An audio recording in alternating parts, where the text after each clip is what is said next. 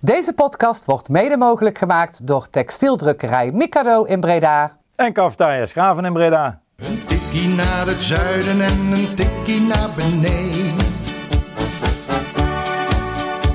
Daar wonen al mijn vrienden en daar voetbalt NAC. Laat nu de klok maar luiden, er is toch niks aan te doen. De B-side staat in vlammen en NAC wordt kampioen.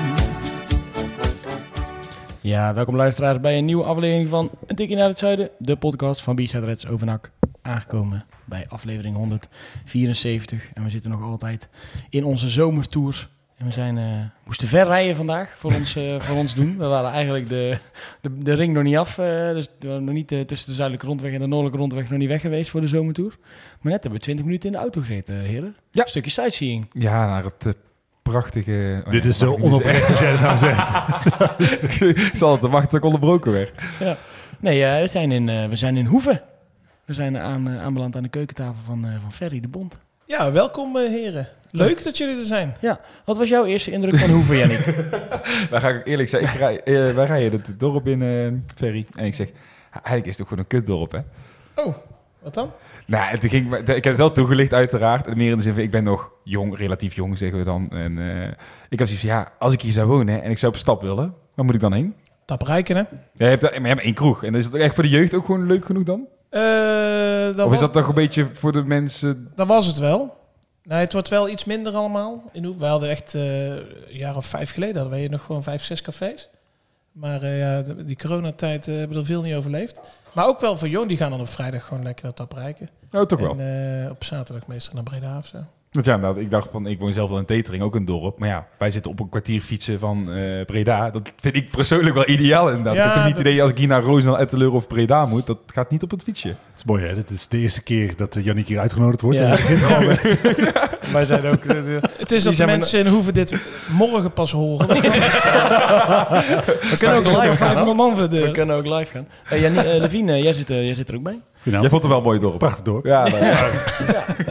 Mooi, eh, veel groen. eh, Volgens mij het oude seminarie. Ik dacht, ah, dat zal de naam seminarie daar vandaan komen. Het, ja, eh, heel goed, heel mooi. goed. En we waren meer dan welkom, want we mochten gelijk via de achterdeur naar binnen komen. Ja. Als je wilt, trouwens, oh, ik zal het toch maar vertellen. Wat hoor ik hier? Dat is de hond van Ferry die op een bot aan het kauwen is. Dus zijn Ja, geen, dat, eh, die wilde ook meedoen. Milo, hè? Milo. Milo. Ja, ja, ja. ja. Eh, Ferry, even de vraag. Verzin jij hier al die tweets? Of op de bank? Of waar is dat in, dit, in het huis?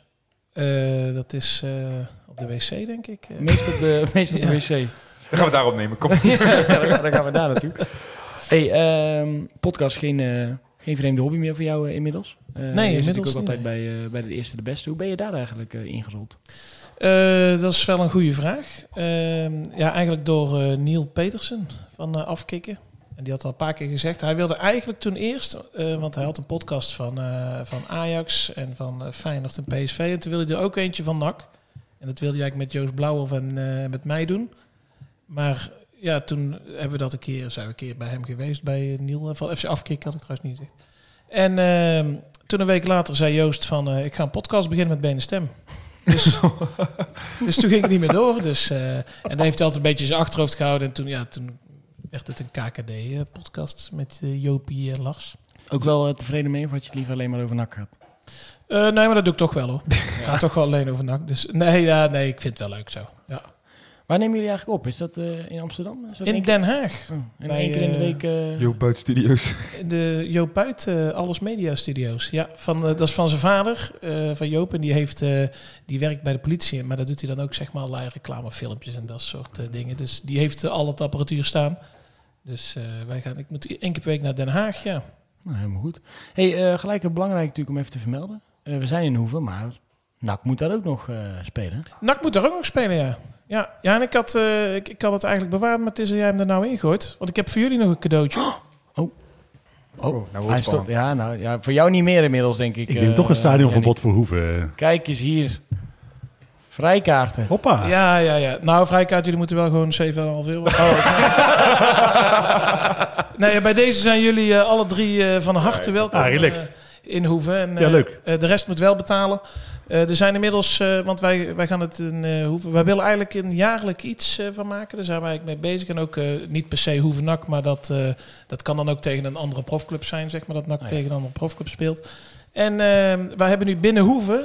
Oh, kijk. Er worden die cadeaus Kijk. uitgewisseld. Zo, stickertjes Freddy terug. krijgt inmiddels stickers. van- Mag je toelichten, Red. Levi? Ook jij Nee, hoeft niet. Jezus Red Omerson scoort. Leuk. Dankjewel. Maar ehm, ehm, dus, dus hier in Hoeven leeft dat op zich wel. Want ik denk dat er nu al iets van 400, 500 kaarten verkocht zijn. Alleen maar onder eh Hoevense mensen hebben ze ook een basisschoolactie eh, gedaan met de kinderen. Dus eh laten de NAC-supporters maar komen. Het is helemaal op het einde van de voorbereiding. Ja. Dus je ziet bij andere spelers dan wanneer je naar Zundert gaat of naar... waar gaan we allemaal naartoe? Naar eh Ja, de naar Maden. Ruit. Maden. Naar Maden gaan we niet heen trouwens. Nee, we gaan niet naar Maden. Nee, we gaan niet naar Nee, Maden. we gaan niet naar Nee. Maden. Nee, Dus wij zitten echt eh, helemaal op het einde. De ene laatste, zeg maar. eh. Hey, en DJ Rick, die komt optreden. Is dat eh, de DJ van Dorp? Rick, nee, we hebben qua DJ's, we hebben meer DJ's dan cafés. Oké. Maar eh, Rick is een eh, prima DJ hoor, voor, eh, rondom deze Nou, wedstrijd. dankjewel. Wij gaan, Ja, leuk. wij gaan zeker, zeker komen. Ehm, ik ben benieuwd of we dan inmiddels wel genoeg spelers hebben. Want uh, Yannick, jij was vandaag bij, eh, bij de eerste training. Dat klopt. Eh, moest jij je voetbalschoenen meenemen of hoe ging dit in zijn werk? Want Gelukkig hebben hun wedstrijden van dia 11 gezien, waardoor ze wisten dat dat niet verstandig was. oh, Dus eh, die heb ik thuis gelaten. Ik had wel de, de camera en de microfoon mee inderdaad. Dus die interviewtjes zijn eh, allemaal terug te zien op de Bicetred's website natuurlijk. Ja. Maar ja, weet je wat het is? Je bent afgelopen half jaar, half jaar geleden dan zeg maar, in januari wordt ons dan eigenlijk voorgeschoteld van... We gaan nu al een beetje investeren, we nemen die voorsprong en eh, volgend jaar moeten we dan promoveren. Weet je, dat blijven ze roepen, laat dat eh, voorop staan. En je hebt dan toch het idee van, nou, als we dan beginnen, dan hebben we die mooie voorsprong, die basis die staat. En dan kom je vandaag op die training en zit je toch een beetje met een verre kijker, want ze trainen best wel ver weg van het publiek. Ging je toch een beetje kijken, wie zijn erbij, wie zijn er niet bij. En dan gewoon die partij, eh, partijvorm en dan zie je ineens eh Aaron van Laren op linksbuiten en eh Pepijn van der Merwel op rechtsbuiten staan. En Maar- toen dacht ik zoiets van, waar is die voorsprong gebleven? Maar heel even, is dat, de- is dat de moeite waard? Eh, links buiten, rechts buiten? Moeten ze hun uh, keepershandschoenen aan de wiel hangen? Eh, nee. Oké. nee, dat is, nee, dat was even toch wel iets van...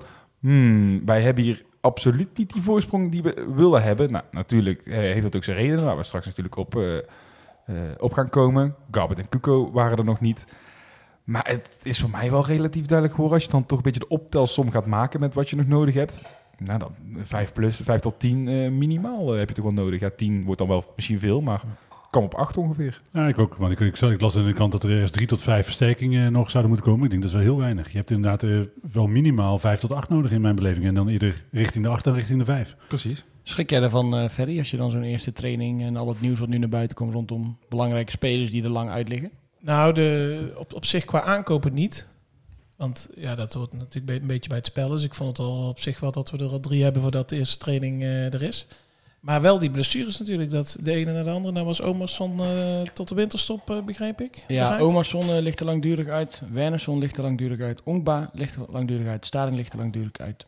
Ehm, en vele daarvan, omdat er mogelijk een eh, verkeerde diagnose is gesteld door, eh, door de medische staf. Nu, eh, net voordat, dat was het bot. Het Eh, bot. die, hij schrok Gebroken, hij ervan. gebroken, ja. Ja, hij schrok ervan. Ja. ja, Het bot is gebroken. weer een botbreuk. Ja.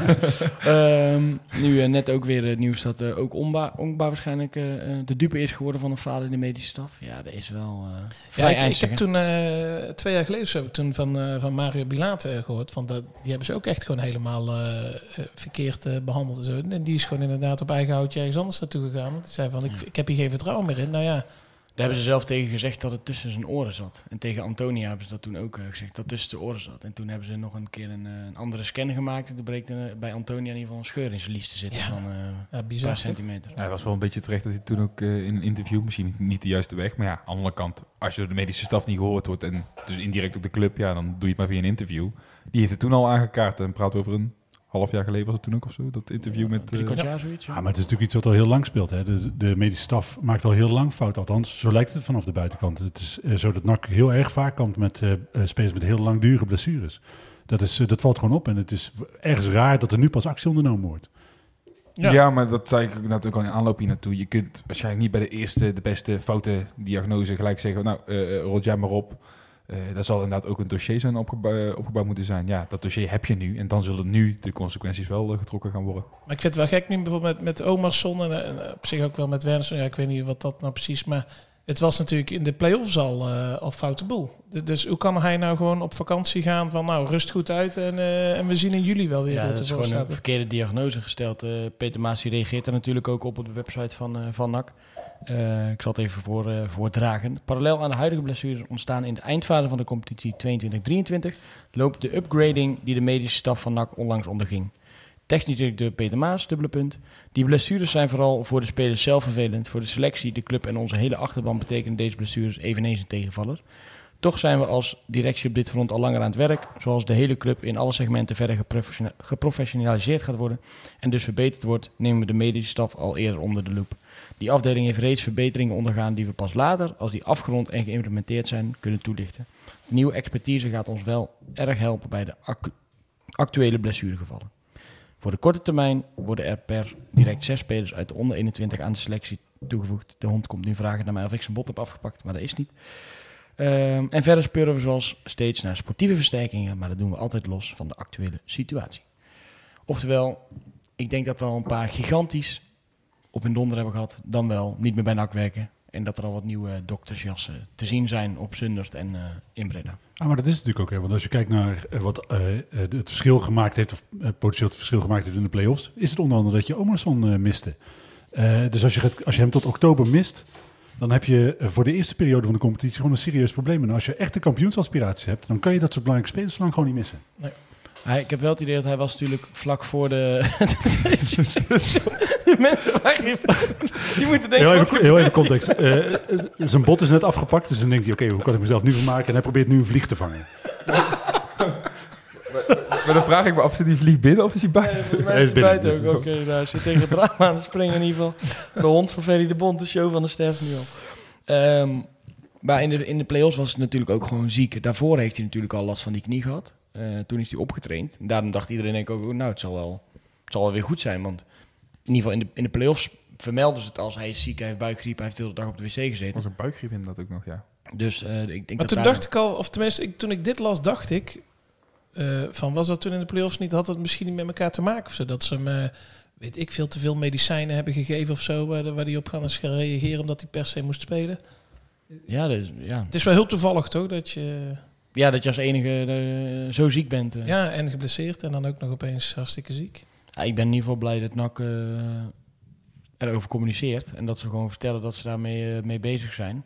Eh, we komen later ook nog wel even op terug. We hebben die eh, klankbordgroep weer gehad. En communicatie is daar ook een belangrijk onderdeel wat daar besproken is. Maar je wordt in ieder geval een beetje meegenomen in, de, in alles wat er ontstaat. Want wat, dat moet ook wel, want wat anders ontstaat er weer blinde paniek, denk ik, achter de achterban. Ja, en in dat bericht wat je net voorleest, daar, daar, daar sluimert ook gewoon frustratie door. Dat, dat lees je gewoon. Dus dan, dan hebben wij meteen, denk ik, zoiets als supporters van... oké, ze vinden het zelf ook, weet je. Ze is- vinden hetzelfde als wij vinden, maar dan Ja. in nette woorden. Ja, precies. Dus dan, eh, ja, het is, het is vervelend. Hoe was de sfeer dan vandaag, eh Levine op, of Levine, Yannick op, eh op Zundert? Want ja, jij bent daar, met, je was met moeders en nog 50, eh, 60 andere NAC-supporters. Ja, klopt. Ja, wat was de sfeer? Eh, ja, het, ik moet zeggen, eh, als je, dat blijf ik altijd ook wel jammer vinden dat zo'n eerste training op maandag is. Ja, wat het, nou, je zegt het al, 50 man stonden langs de kant. Eh, ik had wel net al een vrije dag vandaag, eh, waardoor ik inderdaad langs kon gaan. Ik zag beelden gisteren, had Go Ahead voor mij voor het eerst getraind. Ja, waren fantastische beelden. Die hadden echt een vol sportpark, een goede pyro erbij met een spandoek. Ik denk, ja, waarom kunnen wij niet één dagje eerder beginnen op zondag eh, de tweede? Dat je dan bij spreken ook gewoon, ja, dat had je veel meer man langs de kant gehad. Eh, nu werd je ook erg op afstand gehouden. Eh, dat had ook te maken met waarschijnlijk belasting van het veld. En dat dus ging helemaal erachterin trainen. Daarna kwamen ze steeds een stukje naar voren, maar echt dicht bij publiek zijn ze niet geweest. Dat je echt denkt van ja, ik heb een verrekijker nodig om te zien wie er een bal eh, aanraakte. Er stond daar ook een man, een kale man, zeg maar een nieuwe man van de veiligheid of iets. Die eh, deed het hek ook dicht, dat je niet eh, langs de zijkant mocht kijken. Dus ik werd heel erg op afstand gehouden. En dat vond ik eigenlijk al een beetje jammer qua sfeer. Nou, ja, jij doelt natuurlijk ook op de sfeer rondom eh, die blessures en dergelijke. Ja, na afloop even met Peter erover gehad. Ja, Peter blijft gelukkig rustig. Ehm, ik zeg, het is dan natuurlijk de vraag, het kan goed zijn dat Peter dan ook, die zal van binnen ook koken. Ik vroeg al, heb je eens gevloekt in huis Balla? Hij zei, ja, ja, ja, ja, ja, daar kwam niet echt een antwoord op. Ehm, ja, ik denk dat we het allemaal wel in kunnen vullen hoe eh, hij daarin staat. Ehm, die zal niet blij zijn. Ja, die moet zich ook die eerste training wat anders voor hebben gesteld. Hij weet dat er veel spelers weg zouden gaan. En natuurlijk heb je een paar eh, internationals die, eh, die nog vlieguren zouden maken. Alleen als je dan vervolgens met eh, vier keepers moet gaan trainen... waarvan je er eh, twee als uh, buitenspelers moet opstellen... word je niet vrolijk van, denk ik. Nee, en Peter Maas heeft het zelf ook kunnen zien trouwens, want die stond met, eh, om te de voeten in de klei. Die heeft de heel bijna heel de training, eh, was hij toeschouwer. Heeft ook met Omerson en eh, Staring even staan praten. Dus eh, die heeft kunnen zien in ieder geval dat er eh, twee keepers op eh, de vleugel stonden. Dat er nog wat bij moet. Maak jij je zorgen, uh, Lafino? Tuurlijk, want ja en nee. Want in principe weet je dat, dat eh, als je ook naar alle clubs in Nederland kijkt, dat de eerste training in principe niet heel veel zegt eh, voor, over hoe de selectie eruit komt te zien eh, voor dat seizoen. Alleen 11 augustus is natuurlijk maar een week of vijf weg. En dat, in die periode moet je niet alleen de spelers vastleggen, maar moet je ook proberen er een samenhangend geheel van te maken. Dus hoe eerder je dat op orde hebt, hoe liever ik het heb. En daarnaast, ik had eh, wel iets meer daadkracht van NAC verwacht. Want op het moment dat je eh, na Groningen, met natuurlijk een absurd eh, spelersbudget, de grootste club in de KKD, dan moeten er in principe mogelijkheden zijn om sneller spelers uit te binden. Dan is Boy Kemper een eh, aardige eerste slag. Maar voor de rest heb je eigenlijk eh, alleen een vervanger voor Verlaners en een reservekeeper op dit moment eh, vastgelegd. En dat vind ik gewoon te mager. Eens? Ja, uiteraard. Bij mij is het sowieso, ik ben wel een persoon, Jantje lacht, Jantje helpt. En, maar wat, waar ik dan vooral van schrok inderdaad, je- ik dacht, ik had echt vertrouwen in dat plan van die voorsprong. Van we hebben een half jaar voorsprong. En als je inderdaad ziet, een Emmen, een Groningen, een Cambuur, je grootste concurrenten, ja, die moeten vaak na een degradatie helemaal opnieuw beginnen. Dat halfjaartje voorsprong had je echt kunnen helpen. Zeker inderdaad als je die as, eh, die as gewoon had behouden. Ja, je hebt ze wel behouden, maar ja, je, wordt, je komt weer loopt tegen die blessures tegen het lijf. Ja, en ook gaat bedenken van ja, wie gaan we zaterdag opstellen? En dan vooral centraal achterin. Ik kan eigenlijk alleen Besselink benoemen die relatief eh, minuten op het hoogste niveau heeft gemaakt. En voor de rest zou ik niet weten wie daar eh, naast moet gaan staan. Ja, weet je wat het ook is? Dat, eh, kijk, Hiballa-bal, dat vraagt ook wel iets hè, van de Ja. speler. Dus je kunt niet, denk ik, een week voordat de competitie begint... als aankoop komen en meteen meedraaien. Want dat, dat vraagt ook echt wel tactisch gezien iets. Hè? Hij moet iedereen altijd optrainen inderdaad. Zegt Ja, hij. Als ook- ja. de, de, hij zegt van, ze zijn... het, Molen, terwijl Molenaar ook best wel flink trainen. Hè? Die hadden ook soms wel eens dagen voor de wedstrijd... dat ze met haar tong op de tenen liepen. Waar je dacht van, nou, er is wel echt flink getraind. En zelfs toen zei eh Hiballa, toen hij aankwam... ja, de spelers zijn gewoon niet fit genoeg. Ja, maar dan heb ik ook onder eh, Molenaar natuurlijk geen moment het spel gezien wat ik onder Iballa wel eh, zie. Dus veel meer drang naar voren, veel, meer, veel hoger tempo in potentie. Bij, bij Molenaar was het toch een beetje passief Ja, reactievoetbal. Dus ik snap wel dat je anders fit wordt als je het spel van Iballa speelt. Maar goed, aanstaande zaterdag. We hebben nu de eerste training gehad. Aanstaande zaterdag is dan de eerste wedstrijd tegen Zundert. Eh moest van Tjerk zeggen dat er ook nog kaarten voor te krijgen zijn. Oh. Dat je er ook nog naar, eh, Heb naartoe jij kan. aandelen van al die eh, clubs? Nee, nee, en ik ga ook veel liever naar Hoeven. Daar krijg ik gewoon een kaartje voor. En dat is een frietkar, zie ik. Ja, Dus en dat dan, is iedereen al fit hè, tegen die tijd. En Dus, kinderen tot en met 12 jaar mogen gewoon gratis naar binnen. Ja, dat is misschien een andere vraag. Nee, even- even- Hoeven ik ga eerst even naar Zundert, dan mag jij, mag jij daarna vragen. Ehm, je hebt natuurlijk altijd bij die oefenwedstrijden dat je veel wisselingen hebt in die eerste en die tweede helft. En spelers die je moet opstellen. Maar als ik het zo hoor, dan kunnen we niet eens twee elftallen opstellen eigenlijk. Niet met mensen die al minuten hebben gemaakt in een eerste elftal. Nou is dat op zich niet erg, hè? want zo'n voorbereiding is natuurlijk ook voor jonge jongens om te laten zien dat ze eh, de aansluiting bij het eerste zouden kunnen vinden. Maar Voor- niet dit seizoen. Wat zeg je? Maar ik vind het niet voor dit seizoen. Nee, Waarom maar dit, zie- dat gebeurt natuurlijk altijd. Het gebeurt altijd dat, dat, er, dat in de voorbereiding, dat, je, dat je spelers, bijvoorbeeld internationals geef je langer rust of spelers sluiten later aan. Maar ik bedoel meer alleen, zelfs met het feit dat er nu spelers zijn aangesloten, wordt het heel krap. Want je wil mensen ook niet gelijk 60, 75 minuten denk ik laten spelen. Dat wil je ook rustig opbouwen. Nee, ja, het gaat om spe- jeugdspelers de kans geven. Dan zie ik in de zin van, ja, dan heb je bijvoorbeeld de camper, plekje vrij, Cuco. Ja, dat dan dat plekje vrij dat een keer wordt ingevuld door een jeugdspeler. Dat, dat kan, maar niet dat jij met eh, zes van de elf eh, spelers jeugdspelers zijn. Ja, tweede helft gaat dat sowieso gebeuren. Ja, nou, minimaal inderdaad. ja, Nee, maar- deze wedstrijden zijn ook, ook niet echt, hoe moet je dat zeggen, eh, tactisch of zo. Nee, het is gewoon puur wedstrijdritme opdoen, v- voetbalconditie opdoen. Want ja, de- de- verdedigend heb je het ook zo goed als niks te doen. Nou moet ik wel zeggen, vandaag de training, ja, voor ver ik inderdaad dat kan inschatten. Het was niet een doorsnee eerste training van eh, rondje lopen, lekker balletje trappen. Nee, er, de schreeuw van die ballen was eh, over heel Zundert eh, te horen. Hoor. Het was eh, met, op het scherpste van de snede. Heel goed. Dat is wel weer goed om, eh, goed om te horen. Je hebt ook met eh, Tijn Troost en eh, Boy Kemper gesproken. Wat maakte zij voor indruk op eh, jou? Ja, Boy heel relaxed. Ehm, niet, zo, zo, niet echt een hele prater buiten de camera, meer om dan voor de camera. Maar hele relaxed indruk en iemand een speler die inderdaad bij NAC gaat passen. Maar dat, dat beeld hadden we eigenlijk al. En Tijn, ja, er was natuurlijk één vraag die in dat interview naar voren moest komen. En dat is van, ja, wat voor doel ben jij hier gekomen? Is het echt, eh, word jij eerste doelman of niet? Wat voor plaatsje hebben ze jou geschetst? Ja, die mag vol de concurrentiestrijd aangaan met eh, Roy Kortsmit. En eh, dus ik heb het idee dat ze echt gewoon allebei op nul beginnen. En wie eh, de hoogste score heeft op eh, nou, bijvoorbeeld 2 augustus tegen Hoeven, die staat dan in de goal. Nou, Maar- als je op 2, au- eh, 2 augustus keept, dan Ja, misschien dan niet, maar Dan kip je op 3 augustus niet. Dan Nee, spelen ze ook weer. precies. ja.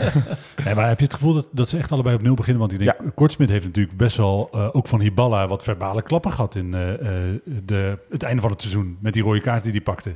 Ik denk juist daarom dat ze allebei op nul beginnen. Ik denk als hij andere keuzes had gemaakt en, en niet die fout had gemaakt, dat hij met een voorsprong Ja, zo'n concurrentiestrijd ingaat. En ik denk dat dat nu wel echt één op één... eh, Maar heel zwart-wit bekeken, zeg maar. Die, eh, die tweede rode kaart van Korsmit. Dat, hè, die thuiswedstrijd tegen Emmen, dat, eh, daar zat meer in, zeg maar. Hè? Dus als Korsmit toen gewoon had gekiept. ja. Dus dat is echt wel een heel duur foutje. En dat, eh, dat hebben ze bij. NAC echt wel gezien. Als je de signalen eromheen hoort inderdaad. Ja, dan is het vertrouwen in Kortsmet heeft echt een flinke ja, deuk gekregen.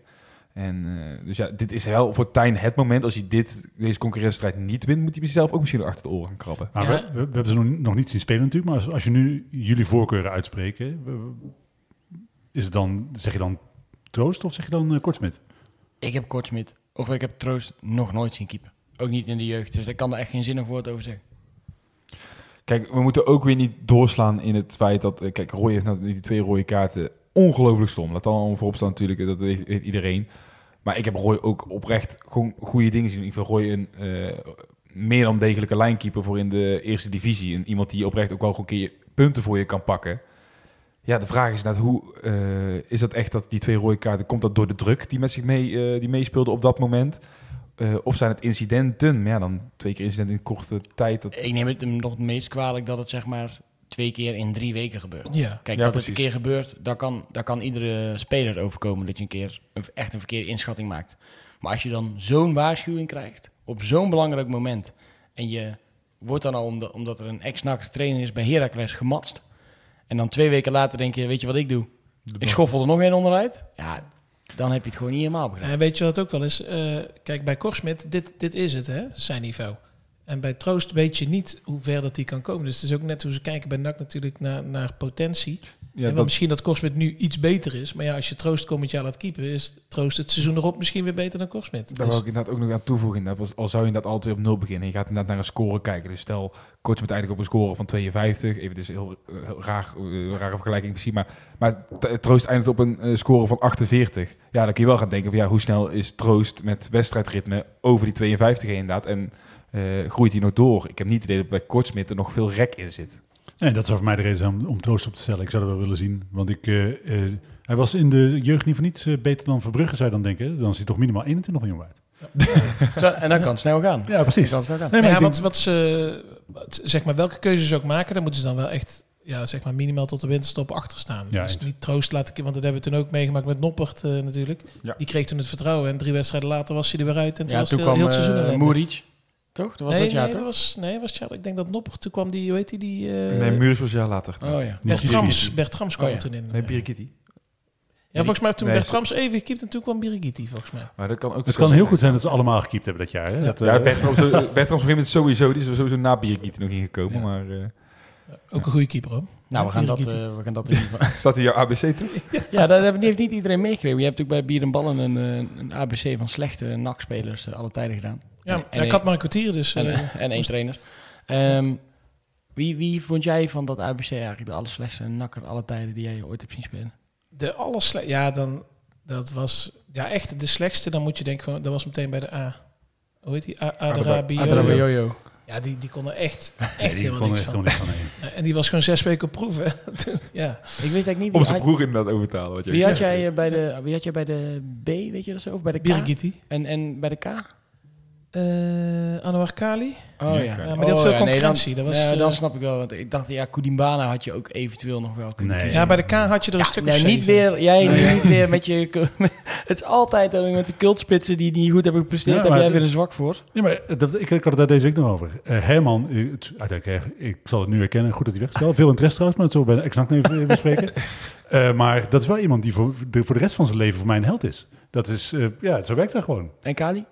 Nee, dat is een andere verhaal. Ja, dat- dat is dat gelijk En er even. is wel eens een keer een leuk videootje over opgenomen, toch? Anouar Kali bij de open dag. Ja. Waren we Kali kwijt. Nou, goed interview met Oh, ja. Ja, dat was... eh, oh, dat, eh, Daarna dat achteraf zeker. ja. Ja. Was me- volgens mij de meest beluisterde podcast Ja, eh, ja, dat snap ik ook wel. ooit. Ja, en toen ging hij, hij, beloofde beterschap, het ging hem goed komen en dat zijn auto niet in de plak gereden. En hij heeft nooit meer voor gevoetbald. vandaag. Nee. Twee jaar nog onder contract Maar gestaan. wie had je bij de Q en bij de X? Eh, bij de Q had ik eh Bertus Kuwaars. Was misschien helemaal terecht, maar dat was de enige. En bij de X had ik eh Xavi Simons, zijn vader. Ah, oké, oké, oké, slim, slim, slim. Hij kwam er goed, eh, hij kwam er goed aan eh, onderuit. Dat wat heb jij netjes gedaan. hey, eh, we kunnen wel eventueel nog wat eh, geblesseerde spelers eh, toevoegen aan de selectie. Want eh, Boris van Schuppen die, eh, heeft een nieuw contract gekregen. Ik was er wel eh, verheugd mee eigenlijk om dat, eh, om dat te zien. Jullie? Het, het geeft wel aan inderdaad dat de club eh, ja, wat weer netter is geworden, om het zo maar te zeggen. Eh, het is een mooie geste naar een jongen die oprecht ook echt een hart voor de club heeft. eh, een hart voor de, altijd een hart voor, voor de club ook gevoetbald heeft. Eh, ja, ik zit wel een beetje in dubio van... Ja, je geeft hem dat eh, contractje. Ehm, ik weet niet of het past binnen de ambities die je hebt dit seizoen. Op basis van zijn eerste seizoen is het eh, helemaal niet gek hè, dat je hem een nieuw contract geeft. En wat je zegt, het menselijke gezicht van de club vind ik hier ook wel zwaar wegen. Want eh, hij kon natuurlijk weg in de winterstop en daar heeft NAC er zelf tegengehouden. Dan vind ik het niet meer dan fatsoenlijk dat je Dat hem eh, nu in ieder geval iets van inkomen geeft. Maar wat ik zeg, hè, als, je, als hij het niveau van zijn eerste seizoen haalt, dan is hij helemaal geen slechte speler als hij de nummer 13, 14, 15 in de selectie is. En een optie voor, eh, voor twee jaar erbij. Hè? Ja, daarom. Ja, ik heb wel gehoord dat hij nu wel reserve zit. Wat? In de ziekenboeg. Oh ja, Die is te vol, dus hij moet even... er is geen plek meer. Aan de kant. Er geen plek meer in de ziekenboek. Eh, is dat voor jou belangrijk, Ferry, die, die, die menselijke kant en dat warme, dat dat ook weer een beetje terugkeert bij je? Ja, vind ik wel. Zeker met eh, Boris van Schuppen. En van mij mag dat met Kai de Roy ook, maar niet tegen de voorwaarden die hij had natuurlijk. maar eh, ja, ik vind wel dat je die jongens wel een kans moet geven om... En inderdaad, wat Levin zegt, misschien profiteer je er wel van. Hè? En, en bloeit hij weer op, want die ballen was wel over Van Schuppen te spreken volgens mij. Dus, dus ja, wie weet eh, levert het nog wat op ook. En, eh, en anders eh, vindt hij misschien nog een andere mooie club. Ja. hè? Ja, jij noemt hem al Kai de Roy. NAC nam afscheid op de sociale kanalen van, van een aantal spelers uit wie, wie uit hun contract liepen of de huurperiodes voorbij waren. Waaronder eh, Herman. Ehm, en eh, Sanchez bijvoorbeeld. Die goal in had ik echt nooit vergeten. Dat we daar stonden met z'n allen. In de 8, in de 8 seconden lag die bal erin. Echt ja, fantastisch. Ja, dat, sowieso, ja, dat eh, blijft ook in de geschiedenisboeken staan natuurlijk. Held. Die, zag, ik, dat, dat- die, die wedstrijd Zo- vergeet zo koud, zo slecht. En dan die, wedstrijd, die goal in 8 seconden. Dat was ons uitje met de stichtingen. Goed verdedigd. Ja, Maar kijk, hij is pas net weg. Je hebt nu al super warme herinneringen. dit, dit- dit- ja, ja, ja, Dat is de ja, ja. enige goal, enige moment ook echt niet gaan vergeten. Dansjes, ook belangrijk. Maar NAC liet eh, ook weten dat ze nog geen afscheid, definitief afscheid hebben genomen, in ieder geval van McNulty en Roy, omdat de mogelijkheid nog bestaat dat de heren in Breda blijven. Ehm, ja, verder jij zegt, hij mag op zich wel blijven, maar dan moet hij misschien wel een klein beetje, klein Ja. beetje inleveren. Ja, ik zou dan een beetje tegen dezelfde voorwaarden als, eh, als Van Schuppen doen. En ik weet niet, kijk, eh, ik weet niet wat hij nog eventueel achter de hand heeft of zo. Maar je zou kunnen zeggen van, eh, ik zou wel inderdaad net met Van Schuppen doen, niet dat je hem een éénjarig contract geeft. Dat hij straks in februari fit is en in maart eh, nog drie keer scoort en dat hij dan naar een andere club gaat. Dus wel met een optie of zo. Hij was natuurlijk eh, ja, intensief in gesprek met Helmond. Al een paar keer inderdaad ook hier eh, gezegd. Dus, maar ja, die gaan het ook niet meer doen natuurlijk. Inderdaad, die eh, Nee, dat zo verwacht ik zwaar niet. geblesseerd is. Jij zou het niet doen. Begreep Nee, ik maar de week dit- uit een appje. Nee, maar dit is gewoon persoonlijk. Ik vind uh, Roy een slechte voetballer. Ik heb hem in drie jaar eigenlijk nauwelijks iets goed zien doen. En dan zeggen mensen, ja, hij heeft altijd aan de verkeerde kant gestaan. Maar ik denk op het moment dat hij voor de goal kwam, was zijn afwerking altijd waardeloos. Maar waarom dan nu niet de menselijke kant voor de club? Omdat ik hem gewoon een waardeloze voetballer vind. Ja. Dat, eh, ja, nee, maar zo, en ik denk, eh, op sportieve gronden had je al besloten zijn contract niet te verlengen. Dat had je bij Boris misschien ook al gedaan. Ja, maar daar heb je een eh, transfer gefrustreerd. waar hij had in principe zekerheid kunnen hebben van inkomen op het moment dat hij bij Emma had gespeeld op dit moment. Dan had hij waarschijnlijk een drie jaar contract getekend. Was er niks aan de hand geweest als hij geblesseerd- ble- geblesseerd was geraakt. Voor En- de Roy was, was de situatie anders. En komt uit Breda en speelt vanaf zijn tiende bij de club. Vind ik ook nog wel meewegen. Ja, en kijk, weet je... Ja, weet je, het, is, het blijft een soort eh, mening, omdat er natuurlijk geen vaste criteria echt zwart op wit staan van, oh, als je zoveel jaar bij de club hebt gezeten, dan krijg je wel zo'n contract nog, om het zo maar te zeggen. Dus Nee, maar dit, wat ik zeg, dit, zijn, dit is puur persoonlijke eh, afwegingen. Maar ik denk als je eh, gaat kijken naar een wat meer zakelijke afweging maakt, waarbij je 500.000 euro in die jongen geïnvesteerd hebt, plus drie jaar salaris. Ja, als je dan nu voor weinig geld eventueel de mogelijkheid veilig kan stellen dat je er nog iets aan verdient, dan zou ik dat altijd doen. Dus als je hem nu inderdaad zo'n contract van een jaar met optie voor nog twee jaar geeft, en hij doet het dan aardig, dan kan je, kan je er wellicht nog iets van je, van je ja, weggegooide geld, want zo voelt het toch een beetje, eh, terughalen. Maar het is waardeloos voetballen dus niet doen. Ja, ik zou dat niet doen, maar Hiballa is fan van hem. Blijkbaar zijn alle trainers onder wie hij gewerkt heeft eh, eh, fan van hem. Hij het is er alleen nooit uitgekomen. denk ik, behalve de mensen die op de tribune zitten. Ja, nee, in de zin van fan van hem. Ja, ik heb inderdaad ook weinig goede dingen zien doen. Ja, en toch, ik, ik heb er, vol- volgens mij dat heb ik ook bij jullie gezegd, ik heb op een of andere manier een zwak voor hem. En ik weet ook niet waarom hoor. Nou, ik, ik vind, wat ik vind is dat, eh daar heb ik ook wel geluiden en verhalen over gehoord.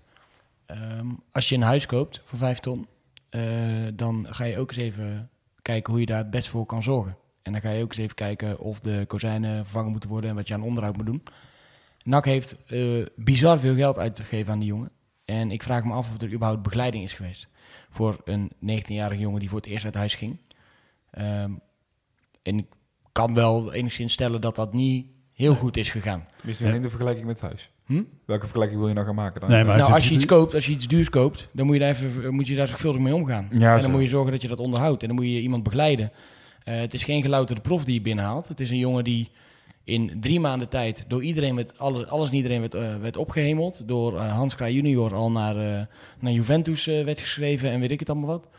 Eh, en Heerenveen die moest hem zeker halen, want dit werd, werd de nieuwe eh, Giorgio Samaras aan de, aan de buitenkant.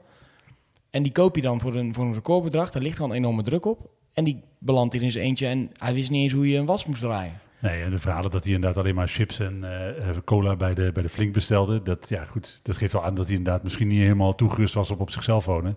Maar aan de andere kant denk ik, ja, dat hoort ook wel een beetje bij bestaan als prof, hè? Eh, dat, ja, ik ben dat... Het hoort, nee, het hoort bij het bestaan als prof. Maar als het dan niet goed gaat, dan heb je als club die verantwoordelijkheid. Want Ja, die moet ook jij, ko- jij hebt daarin geïnvesteerd. Dus dan zou ik, in ieder, zou ik er in ieder geval alles aan doen om die investering eh, te laten renderen. Ja, en, ook, en ook wel voetbaltechnisch natuurlijk. Want bij FC Eindhoven moest hij op de middenlijn gaan staan. En dan zei ze van die bal die gaat vanzelf een keer diep en ga er maar achteraan. En toen kwam je natuurlijk bij NAC bij Maurice Stijn. Die zei alleen maar van eh, je moet die rechtsback volgen. Of die, die, eh, die rechtsback die Ja. opkomt. eh, dus hij kreeg alleen maar verdedigende taken. Ja, dan is het er snel af of zo hè, bij zo'n jongen. Even kort nog inderdaad eh, het bericht van Ongba wat in de, in de stem staat. Die zou er ook met een eh, knieblessure maanden uit liggen. Dus die missen sowieso heel de voorbereiding en ook de eh, eerste maand van Maar de competitie. ik bedoel, ik ben natuurlijk geen, geen arts. Ik heb nog nooit een knie van binnen gezien en ik wil daar graag zo houden. Ehm, maar hoe kan je een, een knie, zo'n knieblessure waar je maanden aan geblesseerd bent, hoe, hoe kan je dat missen als je je vak verstaat? Dat is toch, dat is toch raar? En niet één keer, maar dus Oh, een ja. keer of vier. Nee, ja, absoluut. Dat die medische staf, tenminste is al vreemd. Je zou ook kunnen zeggen, ja, hebben die sporters dan de afgelopen maanden toch niks gevoeld. Maar een vriend van mij die heeft geen eh, kruisband meer bijvoorbeeld in één van zijn knieën. Die loopt gewoon hard en zo. Dus dan gaat het meer om draaibewegingen en dat soort eh, fratsen die je niet, eh, niet uit moet halen. Ja, spelers vertrouwen natuurlijk ja, Ja, blind nee, op de mensen die er verstand van hebben. Ja. En als je denkt van nou, het voelt niet meer goed. Of zo, denk ik, ja, dan zeggen ze nee, joh, twee weken rust. En eh, ja, dan denk je het zal wel. Ik ben even lekker naar Curaçao geweest en dat ging eigenlijk Ja. wel. Want als je, als je niks doet, dan heb je natuurlijk ook minder last. Ja, en als je dan een beetje voor jezelf gaat trainen en geen gekke dingen doet, ja, dan kom je daar niet echt achter, eh, denk ik. En Staring eh, en Wernersson, dat was natuurlijk ook vorig seizoen al, hè? Eind vorig seizoen. Dat, Ja, eh, Wernersson die kreeg natuurlijk ook, ook een trap in een van die wedstrijden. Dus misschien dat dat daar iets mee te maken heeft. Staring. ja, die, heeft, die heeft volgens mij al vanaf maart dan wel, dan niet, dan weer ingevallen, dan weer. Hè, dat, dat liep ook niet zoals het in het begin. Terwijl wij in het begin zeiden van die gaat er nooit meer uit.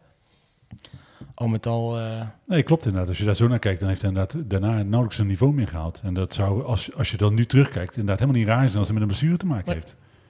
Ongbaan, Wat op zich wel een geruststellende gedachte is. Dan is Ja. het toch beter dan, eh, dan hij zo'n miskoop ja, ja, ja. Ook in de eerste twee eh, maanden, twee, drie maanden van het seizoen eh, Ja. gaat hij ook missen. En nou is op zich onbaar. eh, dat is voor hem super zuur. Maar in principe voor je Vervangen. basiself, basiself minder dramatisch. ja, omdat we toch een 10 wilden halen nog. Precies. Ja. Maar het is voor hem wel Maar als zuur. backup zou het wel lekker zijn Ja, als je maar ook, hij, net zoals Van Schuppen, in het, eh, eh, als hij weer helemaal fit is, hij is een ideale 12e, 13e, 14e man. eh, die kan je er goed bij hebben. En hij heeft, vind ik, een heel prima debuutseizoen gedraaid afgelopen Ja, jaar. ja, ja. Dan met zekerheid tot aan de winter. En Wernersson eh, moet MRI-scan komende week duidelijkheid horen. Maar het heeft ook wel met concurrentie te maken. Zeg maar, als je als, speler, als nieuwe speler komt en je denkt oeh, ik moet hier wel aan de bak, want eh, die onbody komt er ook aan. Ja, dan, dan ligt het niveau ook meteen hoger. Hè? Dus dat is wel eh nadeel. Ja, of ze gaan huren, hè, kan ook nog. Maar dat hoop ik niet. Ik, maar dat huren hoop ik zo zien. Maar, maar dat betekent wel dat inderdaad, als je nu gaat kijken naar hoe je je positie bezet hebt. eh Kemper heeft geen concurrent. eh, Lucas heeft geen concurrent. eh eh, Cuco heeft geen concurrent. Naast hem is er überhaupt niemand. Eh, en op het middenveld heeft ook helemaal niemand eigenlijk serieuze concurrentie. Voor hen ook al niet. Nee. Dus dan zeg je ja, eigenlijk, we kunnen dit seizoen al eigenlijk gewoon op ons buik schrijven. Nou ja, heel eerlijk, kijk, misschien jaar erop weer. Jij zegt natuurlijk huren, ja, dat zou ik niet doen. Maar ik vind als er zulke situaties ontstaan, vind ik het wel een andere. ehm, Als je daarmee reageert op de actualiteit. Hij zegt natuurlijk, ja, we gaan sowieso spelers halen los van de actualiteit.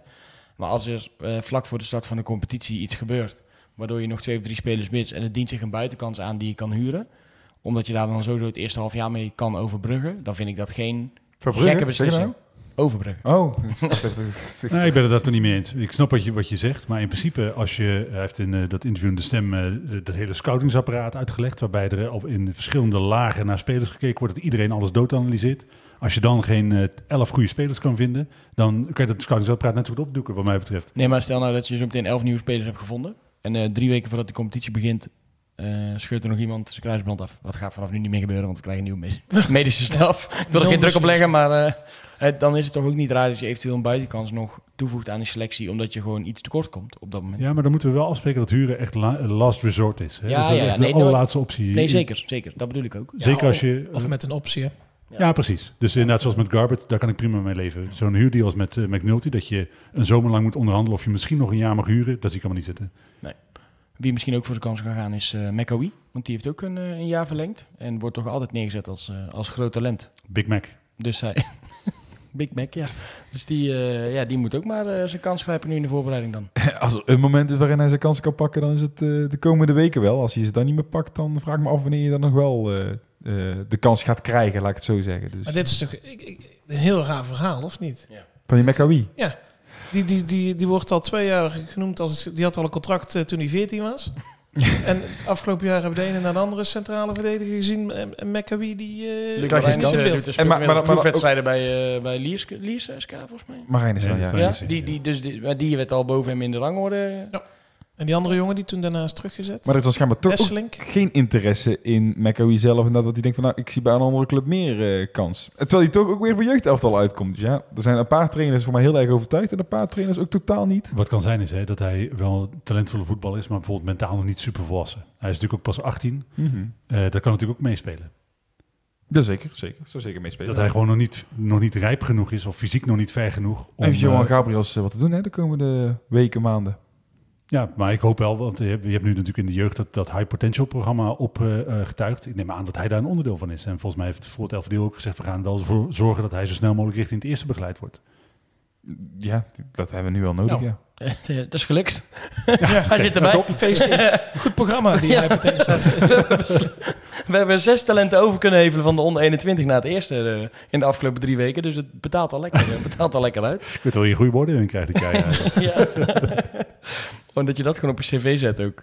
Ja, ik heb heel veel jeugdspelers naar het eerste gebracht bij NAC, dus dat ging, ging goed. Wat was je dan? Ja, ik was dokter. Dokter. hey, uh, deze kwam ik, week had ook het uh, speelschema. Er is veel gebeurd deze week hoor. Maar deze week werd ook het speelschema bekend. Uh, belangrijkste wijziging in ieder geval in het speelschema was dat de derby tegen Willem II verplaatst werd van zondagmiddag kerstmis naar de, de, de, dag voor kerstavond, zeg maar. zeg ik dat goed? De dag van kerstavond, 24 ja. december. Naar vrijdag 22 december. Uh, dat betekent toch uh, gourmetten, denk ik, hier, hè? Ja, nou ja, er is nog plek. Dus, uh, ja, dat zei Gert Huygens volgens mij op Twitter, hè? Ja, dat Die vond zei, ik dan nou... gaan we eerst naar NAC Willem II, dan gaan we daarna lekker met z'n allen op P5 Fumetten. Ik dacht, ja, dat is ook Ja, wel... ik vond het eigenlijk echt wel echt een heel mooi idee, vinden. man. Ja, echt heel mooi. Want heel eerlijk, kijk, mensen zeiden wel van, ja, dat is onhandig en zo. Maar ja, ik had het eigenlijk best wel leuk gevonden. Ik niet. Oh. Maar ik was persoonlijk reden omdat ik op vakantie ben. Die, Ja, dag, en die twee dagen eerder niet. Maar zondag, de, de dag van kerstmis tegen Willem II... Ja, Ja, ik heb er ook niet zoveel probleem mee. Iedereen is vrij maandag. Ja. Ja. Maar er is, het is niet dat er naar de Beatrix nog, dat er daar nog gezellig is. Ik denk dat nou, als iedereen, we winnen, dan... ik denk dat iedereen dan nog steeds gewoon naar huis is inderdaad omdat hij verplichtingen daar heeft. Ja, hoezo? We gaan toch naar onze kerk dan, die dag? Dat is toch prima? Ik weet, ik weet dat waarschijnlijk dat wij dat allemaal nog wel thuis voor elkaar kunnen krijgen. Maar ik denk dat er genoeg van die 19.000 man dat niet voor elkaar krijgen. Ja, maar toch denk ik dat heel veel mensen ook dachten... Ah, dat is inderdaad gewoon dit jaar lekker niet naar de schoonfamilie. Dat, is, dat Ja, kan dat toch- denk je. Ja. Maar dat- die schoonfamilie ziet ook dat die best op kwart over vier afgelopen is, hoor. Nou ja, maar- zit je daar nog met één oog zo. Eén oog op je pilsje en één oog op de gourmet, eh, op de Ja, ja, gourmetschaal. Nee, ik, ik had het al leuk gevonden. Ik vind bij- sowieso, maar ook net zoals in Engeland, Boxing Day, al die wedstrijden. Ik vind, wel, ik vind dat fantastisch. ik zag het al voor me. Sneeuw zo lichtvallend op het veld. En dan eh, zo'n vechtwedstrijd tegen, tegen Willem II. Voor de sfeer is het op zich goed natuurlijk. Er is al veel vuurwerk in op- omloop dan, dus Ja. dat is mooi. Dat is ook. Ja. En een goed idee van Gert Huygens om eh, dan te gaan gourmetten met z'n allen. Maar heel even, ook al is het natuurlijk nu eh, wat eerder, in die kerstperiode is het wel leuk als NAC daar eh, rondom iets, iets bedenkt, uitpakt. Al is het met gluwijn of iets dergelijks, kerstmutsen, bedenk het. Daar kun je toch wel iets leuks van maken. Eh, goeie, ja. Gele kerstmutsen. Ja, zoiets. Dat, kan, dat is niet zo heel moeilijk. ja, dat soort dingen gaan wel altijd mis, hè? Dat Ja, ze de klopt. wedstrijd eh, verliezen uiteindelijk. Dan heb je Ja, dat is wel waar, ja. Helemaal niks doen. Mooiste actie, ik weet niet of jullie die nog kunnen herinneren. Met die, was het, met die grote zak met ballen. Met, eh, Ja, Oh, wanneer was dit? die open moest gaan, geloof ik.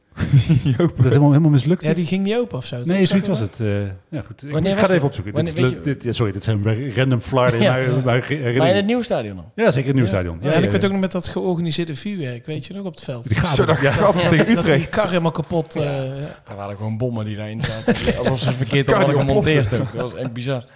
Maar we beginnen de competitie in, eh, in Dordrecht. Dordrecht uit, altijd lastig. Daarna Kun je maar gehad hebben. Ja. Daarna eh, de eerste thuiswedstrijd tegen, tegen Jong AZ. Krijgen we nog eh, Eindhoven uit. En dan staat al Willem II uit op de programma. Ja, maar als je dat zo hoort, dat is ook een van de redenen waarom je selectie zo snel mogelijk op poten moet hebben staan. Want Mhm. de eerste periode is best wel een lastige periode. En als je daar al heel veel punten laat liggen, dan loop je het hele seizoen achter de Mocht feiten ik aan. niet zeggen op de website. Mocht Nee, niet maar zeggen dat... dat- het een lastige periode was. Want dat Oké. was wel weer indekken. Het is een uitdagende periode. Ja. Dat, Laat los van het indekken. eh, het is ook wel een beetje koffiedik kijken of het een lastig programma is. We hebben allemaal nog geen enkel benul welke ploegen er goed zijn, welke ploegen er niet goed zijn. JC, daar moeten we ook tegen. Die hebben gisteren met 15-0 gewonnen. Oei, nou. nee, maar, Dat zegt allemaal zo weinig. nee, maar dat vind ik echt onzin. Want je kan inschatten Hoezo? dat Willem II eh, gaat komend jaar ook gewoon een goed elftal. En dan gaan, die gaan misschien geen kampioen worden, maar die zullen wel top 5 Maar spelen. het gaat ook op het moment wanneer je ploegen treft. Eh, NAC in het eerste seizoen was toch heel anders dan NAC in het tweede seizoen zelf. Dat is, en wie had verwacht dat MVV zo goed was? We moesten de tweede wedstrijd tegen MVV eh, afgelopen seizoen. Iedereen dacht, nou dat winnen we wel. Maar die verloren we. En toen dachten we, oh nou, dan zijn we helemaal niet zo goed. Maar bleek MVV toch alweer wel beter te zijn. Ja, oké. Het is toch allemaal... Zet hem uit. We komen ergens half september terug. Of een beetje een beeld, een beetje beeld hebben van hoe het... Nee, maar Ja, maar jij, niet je, bent het toch wel, je bent het toch wel met ons eens als je in die eerste periode Willem II treft, je treft Roda, je treft VVV, je treft Emmen en je treft Groningen. Dat het niet per se een heel makkelijk lekker inkomststukje is, toch? Nee, en zeker, wat je, als, als, wat je zegt klopt. hè, Dat het elftal misschien eh, niet het elftal is van wat dan uiteindelijk in de competitie een goed of slecht elftal wordt. Maar eh, juist daarom moet je zorgen dat je op het moment dat die clubs hun elftal nog niet op orde hebben, eh, van ze wint. Ja. Daar kom je op dat stukje voorsprong in inderdaad. Dat je had moeten willen kunnen hebben. Maar nee, ik vind het heel lastig altijd inschatten of een ploeg wel of niet, eh, of het lastige wedstrijd zijn. Eindhoven is eigenlijk ook jarenlang een grijze muis geweest inderdaad in eh, de KKD. Nou, Penders komt, het gaat goed. Nou, Penders is weg. Moet je maar zien of eh, wij dat weer voor elkaar krijgen. Zelf is het wel gewoon weer een ploeg die dit jaar 15e gaat worden. Ja, dan is die uitwedstrijd misschien helemaal niet zo moeilijk als we op voorhand denken. Nou, en ik zag bij die eerste, ik denk van nou, Dordrecht uit, hè, dat is in ieder geval een lekker begin. Maar die hebben vandaag eh, de vijfde Feyenoord-speler gepresenteerd. Ja. Dus ook maar, die, die Maar kennen we allemaal- allemaal niet. Maar Wel allemaal aanwinsten van Feyenoord ook. Dus die gasten Ja, kennen die elkaar meteen, ook allemaal eh, niet. ja, ja. Dus eh, dat had ik nog Ja, wel... maar Ze hebben afgelopen seizoen ook een paar van die gasten van Feyenoord gehuurd. Er zaten wel goede spelers bij. Nee, absoluut. Dus eh, ja, goed. Ik, eh, ik durf voor een één wedstrijd te zeggen dat het een makkelijke wedstrijd Ik kijk er al naar uit inderdaad, omdat als dat programma bekend wordt, altijd leuk om te kijken wanneer is welke away day, wanneer kan ik het broodje bal in Doetinchem gaan eten en dat soort dingen. Eh, maar qua sterkte en hoe moeilijk het is, dat, dat kun je echt niet zeggen. Natuurlijk wel... ehm, Toetekken toch. komt natuurlijk duidelijk uit het schema dat NAC heeft gekozen om tijdens de interlandperiodes wel te voetballen. dat vind ik verstandig. Ja, eh mis je natuurlijk wel eh, in ieder geval Garbert en, eh, en eh, Martina. Is dat zo nou eigenlijk achteraf als je het schema ziet? Wat zei je? Is dat nou wel zo achteraf als je het schema ziet? Ja, met, met die jongploegen, hè? Ja, maar je speelt uiteindelijk nog best wel op maandag ja, tegen maar daar, jongploegen. daar kan je niks aan doen. Dan ben je gewoon genaaid. Ja, nou, dat is dan toch... Uit achteraf had je, is het dan toch gewoon eigenlijk dat je het in de interland breaks... Ja, nee, want dan had je ook nog eens de thuiswedstrijd op maandag moeten spelen. Ja, en zij spelen, zeg maar, de ploegen die wel die interland, hè, die, die dus niet in de interlandsperiode spelen, die spelen dan die andere week op vrijdag en maandag. Ja. En dan krijg je dus inderdaad op maandag een belofte team wat op vrijdag niet heeft gespeeld, zeg maar, snap je? Dus dan krijg je weer een vers eh, tegenstander. We zijn alleen het enige nadeel wat we nu hebben is dat we die uitwedstrijden bij jongploegen, eh dat we daar ook drie van hebben gekregen. Toch? Jong Utrecht, Jong AZ en Ja, best wel PSV. wat op, ook op maandag uiteindelijk Ja, dus daar heb je dan pech mee. Ja, dat alleen anders had je die wedstrijden dus thuis ook op. eh. Ja, oké. Thuiswedstrijd had het misschien kunnen zijn. Ja, of tegen elkaar dan, hè, zeg maar. Dat je tegen een andere die ook... eh, Ja, ja, maar zij zijn dat onder andere, onder, onderhand, al die jongploegen zijn dat. Dus, Ik moet wel eh, zeggen dat ik het ja. persoonlijk, eh, als ik als supporter spreek, inderdaad wel lekker vind dat in interland breek gewoon lekker dat ik naar NAC kan. Ja. Dat, het, dat, dat breekt toch een Ja. beetje die, eh, ja, dat voetballoze weekend. eh. zeker. Ja, dat moet je op een raar moment allemaal gaan inhalen. We hebben ook twee eh, zaterdagwedstrijden, geloof ik. Eh, tegen Overigens, over NAC Willem JC. 2, dat hij nou verzet is even. Ik wil even sorry dat ik Ja. het ontbreek, misschien ineens te binnen deze opmerking. Ehm, dan heb je die 24e. Stel, eh, we hadden het scenario van afgelopen jaar gehad. Gaan ze dan op eerste kerstdag 12 uur middags eh, die wedstrijd inhalen? Of? Ah, maar Ja. daar zijn toch die nieuwe regels. Als we Ja, hem snel pakken, ja. Maar gewoon... stel, we pakken hem niet snel. Nee, maar we wijzen, dat we wijzen gewoon willekeurig natuurlijk iemand aan. Dat snap je ook, hè? Eh, eh, Op een vak heb je altijd, als je met duizend man moet beslissen wie, wie er het vak af moet, dan lukt dat wel. Doen we wederom Gert Huygens. kan Gert Huygens vast de Gourmet-schaal aanzetten. Het was mijn idee! Ja, sorry Gert, sorry Gert. Ja, maar is toch handig? Dan kan hij vast alle stekkers alvast in het stopcontact doen. Nee, Pannen moet toch even dus ik denk, eh, eh, ik maak me niet zoveel zorgen over dat er doorlopend weer wedstrijden gestaakt gaan worden komend jaar. Eh, althans, ik neem daar geen genoeg mee. Nee, ja, dat snap ik. En hoe ziet er dat uit? Dat weet ik nog niet. Ik, moet, Dan ik, wordt hij heel boos gehoord, die gaat het ding op het veld gooien. ik heb eerder geleerd dat ik dat soort dingen niet uit moet spreken die ik dan denk. Nou ja, we gaan het in ieder, geval, in ieder geval zien. Ik heb er in ieder geval heel veel zin in weer. En zo'n schema werkt daar in ieder geval altijd wel eh, aan mee. Ja, en eh, de carnavalsvrijdag hebben we thuis. Ja. Tegen Eindhoven. FC Eindhoven, ja. Ja, leuk. Oh, dat wordt echt wel weer afmelden voor eh, zaterdagochtend. Dat, dat is echt... eh, altijd, joh. eh, nou, dan moet ik echt wel een uurtje langer slapen. Als bij NAC ook carnaval is, dan heb ik wel echt even een uurtje langer nodig om te herstellen. Want eh, dan, dan haal je alleen maar van die halve liter in plaats van dat je denkt, nou, ik neem ook nog eens een kleintje. Ik wist dat je wat ouder was geworden, maar zo oud? Ja, gast, ja, jij hebt ook... Hij is dus gewoon nog na bier en ballen en ook na die donateursavond gewoon tot vier uur in de stad geweest. Nee, niet 4 2 Dat de afgelopen keer. Oh, vier uur thuis dan. Ja, dat we slingeren naar huis en dat Ja. dan. eh, Dan nee. is het toch nog best ver fietsen dan, Tetering. Maar hoe, hoe lang is het geleden dat wij met carnaval eh, thuis gespeeld hebben? Dat is best wel een... Nee, helemaal eh, niet. Drie jaar of zo? De- Een jaar? Niet afgelopen jaar, maar het jaar daarvoor? Ja, Serieus? Ja, ja, ja. Serie- En dat was. Ja. Toen, ja, ik weet het nog, ik ben van tevoren Breda gegaan. Toen heb ik mijn Nou. pa uiteindelijk gelukkig op de fiets nog terug naar huis kunnen krijgen, inderdaad. Ik Maar was dus zo dronken toen dat ik het niet eens meer weet. Weet Ik je zit alleen na te denken tegen wie dat was. Volgens mij... eh, Jong PSV thuis. Ik wou zeggen, jong 1-0. elftal. Ah, oké. Het was Ah. eigenlijk een eentje daarvan waar zij die kunnen we hebben, maar daar werd toen ook heel akelig, eh, eh, moeizaam. Moeizaam. Maar wel gewonnen. Ja, 1 Ja, wij gaan hier vanuit Hoeven gaan wat met een touringcar op, eh, met die wedstrijd. Want ja, daar wil echt niemand rijden. Nee. En die zetten ons daarna dan weer bij het tapperijken af. Dus dat is altijd... eh, Heb jij dan een eigen tafel, eh, met carnaval niet. Ah. Nee, nee, nee, daar staat het vol. Anders wel. Anders wel, ja, er is maar één tafel. Dus iedereen die komt heeft een tafel, een vaste tafel. Eh, gaan we eventjes naar de, de klankbordgroep. De verguisde klankbordgroep. De, we hadden afgelopen donderdag weer een eh, bijeenkomst. En dat was nogal een eh, druk bezochte bedoeling. Want NAC die had ook besloten om met een grote groep te komen. Zo was onder andere Henk Valker, Henk van Koeveringen, Kees Meeuwers, Pierre van Hooydonk en Erik Matthijssen. En ook nog Ed Gammel. Zo. waren allemaal aanwezig namens NAC om de onderwerpen en vragen te bespreken. Misschien even goed om een paar dingetjes uit te lichten. Waaronder de financiën. Er werd natuurlijk vragen gesteld over, eh, over de financiën. Dat, eh, wat gebeurt er alles hier met de, met de hond, jongen? Volgens mij de papierbak leeggehaald. Oh, oké. Nou, dan kan het. Dat mag wel. Die moeten morgen pas naar buiten. Ja, daarom. Ja. Alles wat wegwijt is meegenomen. ja. De, de financiën. Eh, er komt natuurlijk heel veel geld eh, nu binnen. Eh Verbrugge is onder andere definitief verkocht. Eh, wie weet wat er nog meer aan doorverkooppercentages eh, richting Breda wordt, eh, wordt gebracht. Eh, en daarvan zei eh, Henk Valk dat er een eh, deel daarvan eventueel gebruikt wordt om wat tekorten te dichten. Maar eh, dat er ook zeker geld geïnvesteerd gaat worden in, eh, in spelers. Eh, dus dat het niet zo is dat alles zomaar terugvloeit naar, naar gaten die gedicht moeten worden. Maar als, als je dat soort gaten zou hebben, zou ik wel serieus problemen hebben. Hè? Want je hebt dus Banzuzi voor 1,2 miljoen verkocht. Je hebt voor Brugge, voor Verbrugge krijg je all-in, denk ik, 2,8 uh, alles bij elkaar. Of ja, 2,4 nu. Eh, dan heb je nog dat, die 25.000 euro voor Dessus. Nog wat andere bedragen hier links en rechts. Als jij een gat van 4 miljoen hebt, heb je, dan is je bedrijfsvoering ruk. Nee, absoluut. Maar eh, het is dus ook niet zo dat, dat als ze dat gehad hadden, dat we dan het volledig zouden dichten. Dus Nee, de, bedoel de aandeelhouders blijven dan ook, denk ik, garant staan voor een deel daarvan. Oké, maar ik bedoel ook meer van, het, het, natuurlijk ga je hier de gaten niet meer dichten. Want als het goed is, heb je dit, de zulke Hmm. gaten niet. Dus het is een eh, uitspraak die helemaal niks, van, niks aan waarde heeft. Hm. Want er blijft als het goed is sowieso geld over. Ja, oké, maar dit eh, wordt niet alleen voor dit jaar gezegd, maar eigenlijk voor de komende jaren. Oké, dus de belofte van de aandeelhouders om niet alleen de eerste twee jaar, maar dus eh, over een langere periode gaat het dicht is wat Henk Valk nu gezegd heeft. Eh, de- de- nou, sowieso de eerste twee jaar. Maar dat is, niet, niet, dat is dus dit jaar en komend jaar, volgens mij.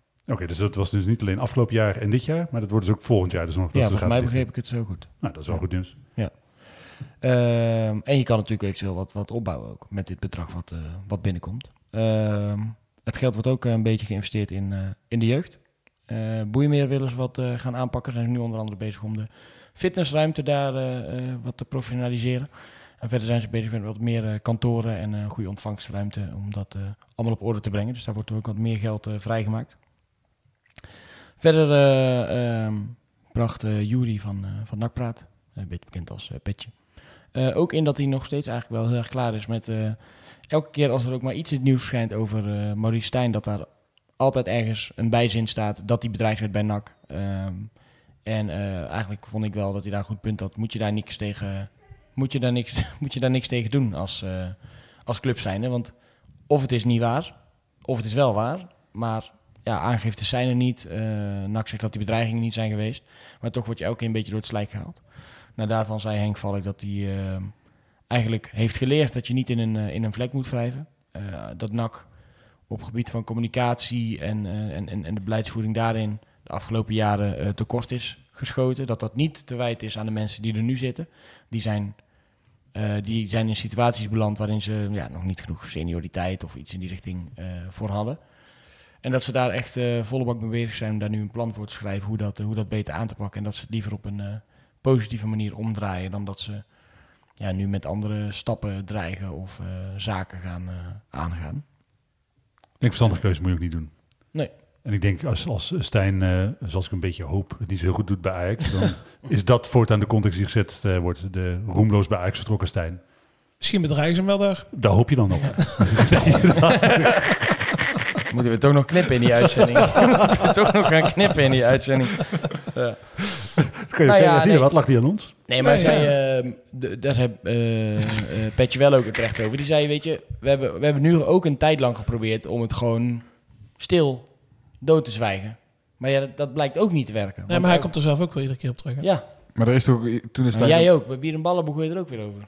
Nou, niet over die bedreigingen. Nee, maar Stijn wel. Ja, ja, dat, dat de lul is. Ja. Maar er, er is in die tijd uiteindelijk toch wel gewoon een eh, bericht naar buiten gegaan waarin die bedreigingen werden een soort van ontkend. Mhm. En- Maar als je dat dan, als je dan keer op keer door eh, pers, door het slijk weer wordt gehaald, doordat het telkens staat, werd bedreigd bij NAC. Zijn familie werd bedreigd. Maar is dan elke keer, bijvoorbeeld, hoor je dan doen elke keer daar dat gaan bellen? Of wil je op Twitter elke keer een linkje onder gaan reageren van, Nou ja, het klopt niet? oh, Of, Als, als, het, als het echt... ik snap daarin Nee, Henk Valk wel, van maar ja, het kost je meer energie denk ik om Nee, dat te doen. ik Dan, inderdaad, niet- dan ga je dan niet in die vlek vond wrijven. ook een goed... eh, Ik snap, ik snap het punt dat het frustrerend is. Ik vind het ook inderdaad van, ja, weet je, het hoort een beetje bij de journalistiek inderdaad om eh, het goed te doen. Maar, en zeker gewoon je feit op orde te hebben. Maar ja, wij, wij weten het zelf wel beter. Nou, hij zei ook wel natuurlijk terecht. Kijk, er zijn, bij sommige media verschijnt dat iets meer dan bij andere media. Ja. En hij zei, de lijntjes zijn vrij duidelijk natuurlijk. Maar ook het, het verhaal met Joey Coy natuurlijk. Dat is precies hetzelfde eigenlijk. Ja. Ja, maar ook daar- is daar daar- of blik gegooid of geen blik dat, gegooid. lijn, dat lijntje is ook duidelijk. En als je als NAC, en ja zeker, maar als je als NAC zijn zegt er is geen blik gegooid, ja, moet je daar dan telkens op reageren? Of zeg je gewoon oké, wij hebben er afstand van genomen, we weten dat het niet zo is en we laten het zo. En dan ja, kan je misschien andere, andere maatregelen nemen eh, als het gaat om, moet die hond weer naar binnen, Ferry? Of, eh, Denk het wel, hè? hij staat wel heel zielig voor de deur nu, ja. Ja, Nick, doe die deur even open voor die hond. Ja, maar om uh, daarop te reageren, je hoeft dus inderdaad, ik zou er gewoon echt lekker laten gaan. Want uh, je moet daar inderdaad geen aandacht aan besteden. Want iedere aandacht die er aan, spe, uh, spendeert, is weer zeg maar, aandacht vragen voor iets waar je het niet over wil hebben. Dat is altijd verkeerd. Ja.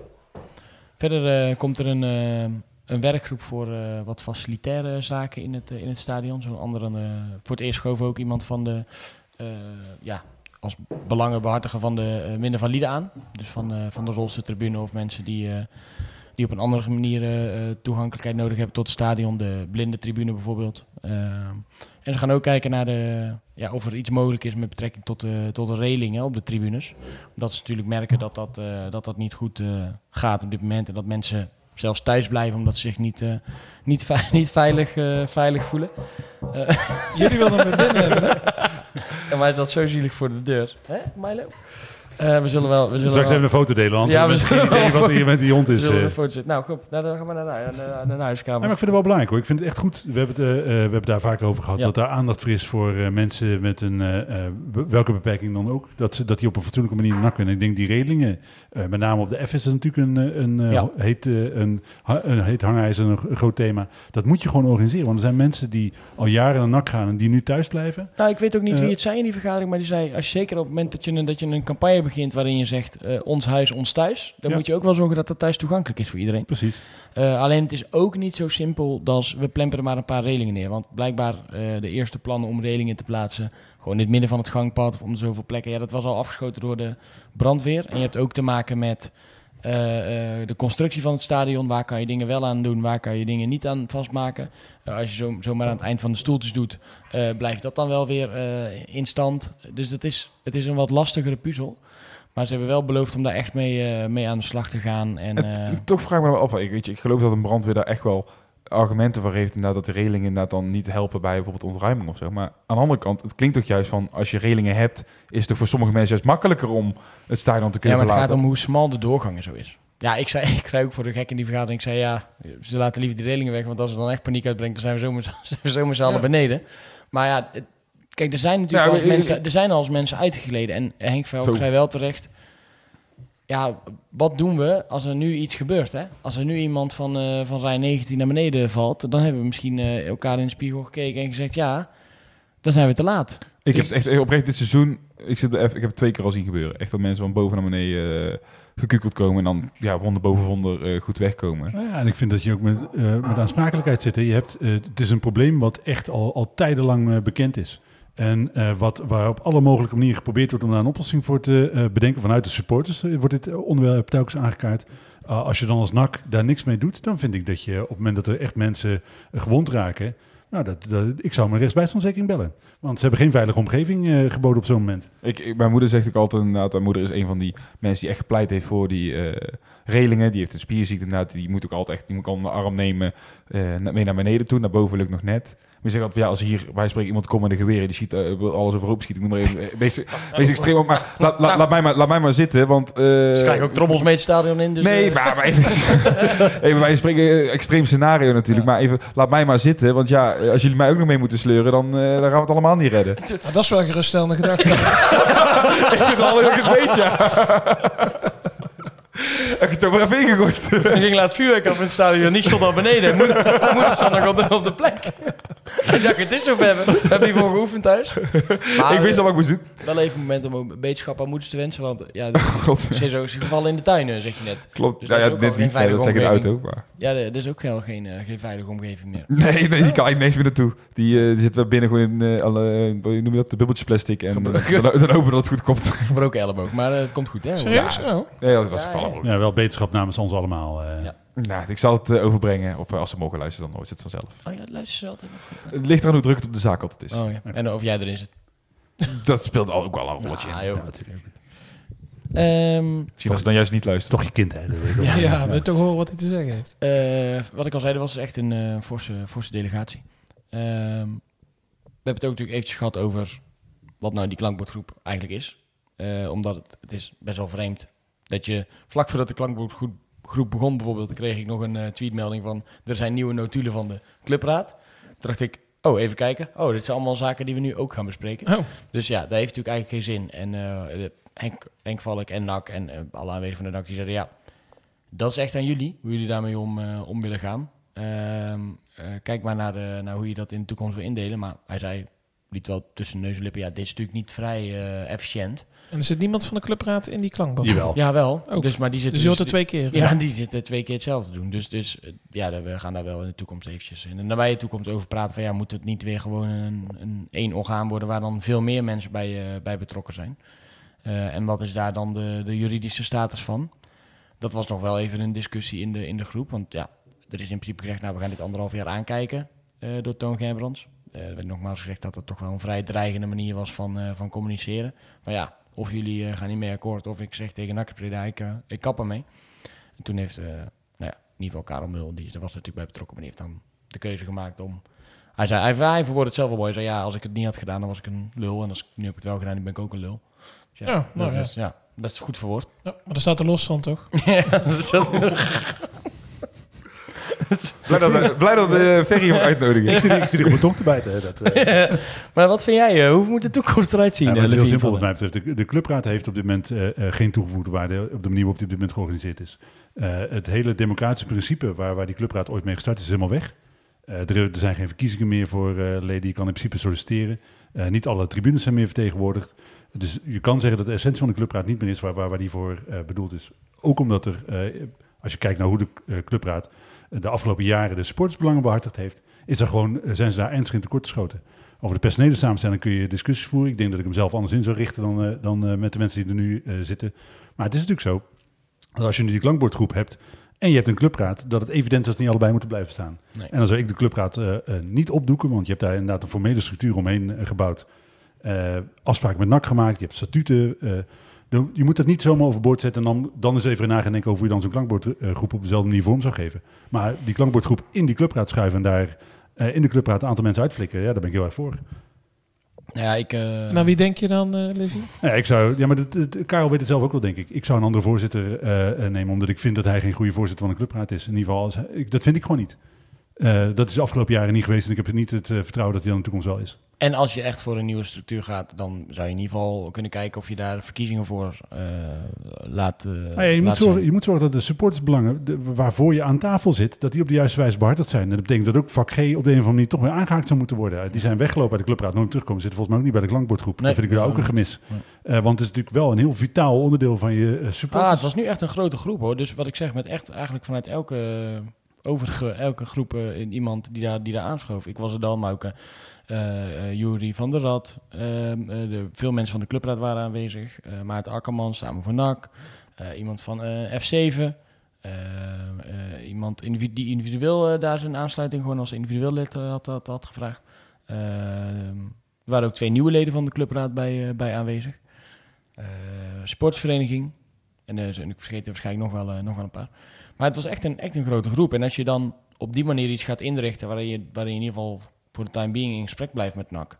Ja, dan is dat, moet, je dat denk ik, eh, moet je dat denk ik doen. En, Maar worden jullie alleen geïnformeerd of kunnen jullie ook echt... nee, we geven ook wel input. Bijvoorbeeld, er is nu dus een werkgroep ontstaan vanuit eh, het feit dat we zeggen, ja, er moet iets met die relingen gebeuren. Dus we zeggen, ja, we kunnen wel blijven zeggen, dat gaan we doen, gaan we doen.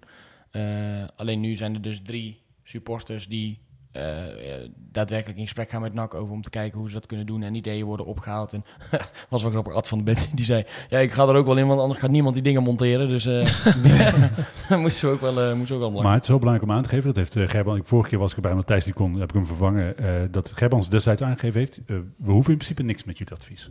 Nee, nee. we, we, we luisteren ernaar, maar er is geen plicht voor ons om daar iets mee te doen. Nee, en sterker nog, het is nu zelfs ook zo dat, dat het werd ook wel een beetje tussen neus en lippen doorgezegd dat die anderhalf jaar, die is dan wel gesteld. Alleen daar zit, je- daar zit juridisch verder niks aan vast of zo. Dus er zijn, dat, dat vroeg eh, een, het nieuwe lid eh, Christian of Christian, of, ik weet even niet uit mijn hoofd. Christian volgens mij. Christian, ja. Die was daar best wel heel goed en gelijk scherp op. Die zegt, ja, ik heb eigenlijk nergens nou criteria gezien van waar moeten we nou aan voldoen als klankbordgroep. Of wat zijn nou punten waarop we zeggen, nou, we willen die zetel wel of niet weer terug. En is dat essentieel of is dat niet essentieel? Of kunnen we dan iemand aandragen? Of wie bepaalt dat eigenlijk?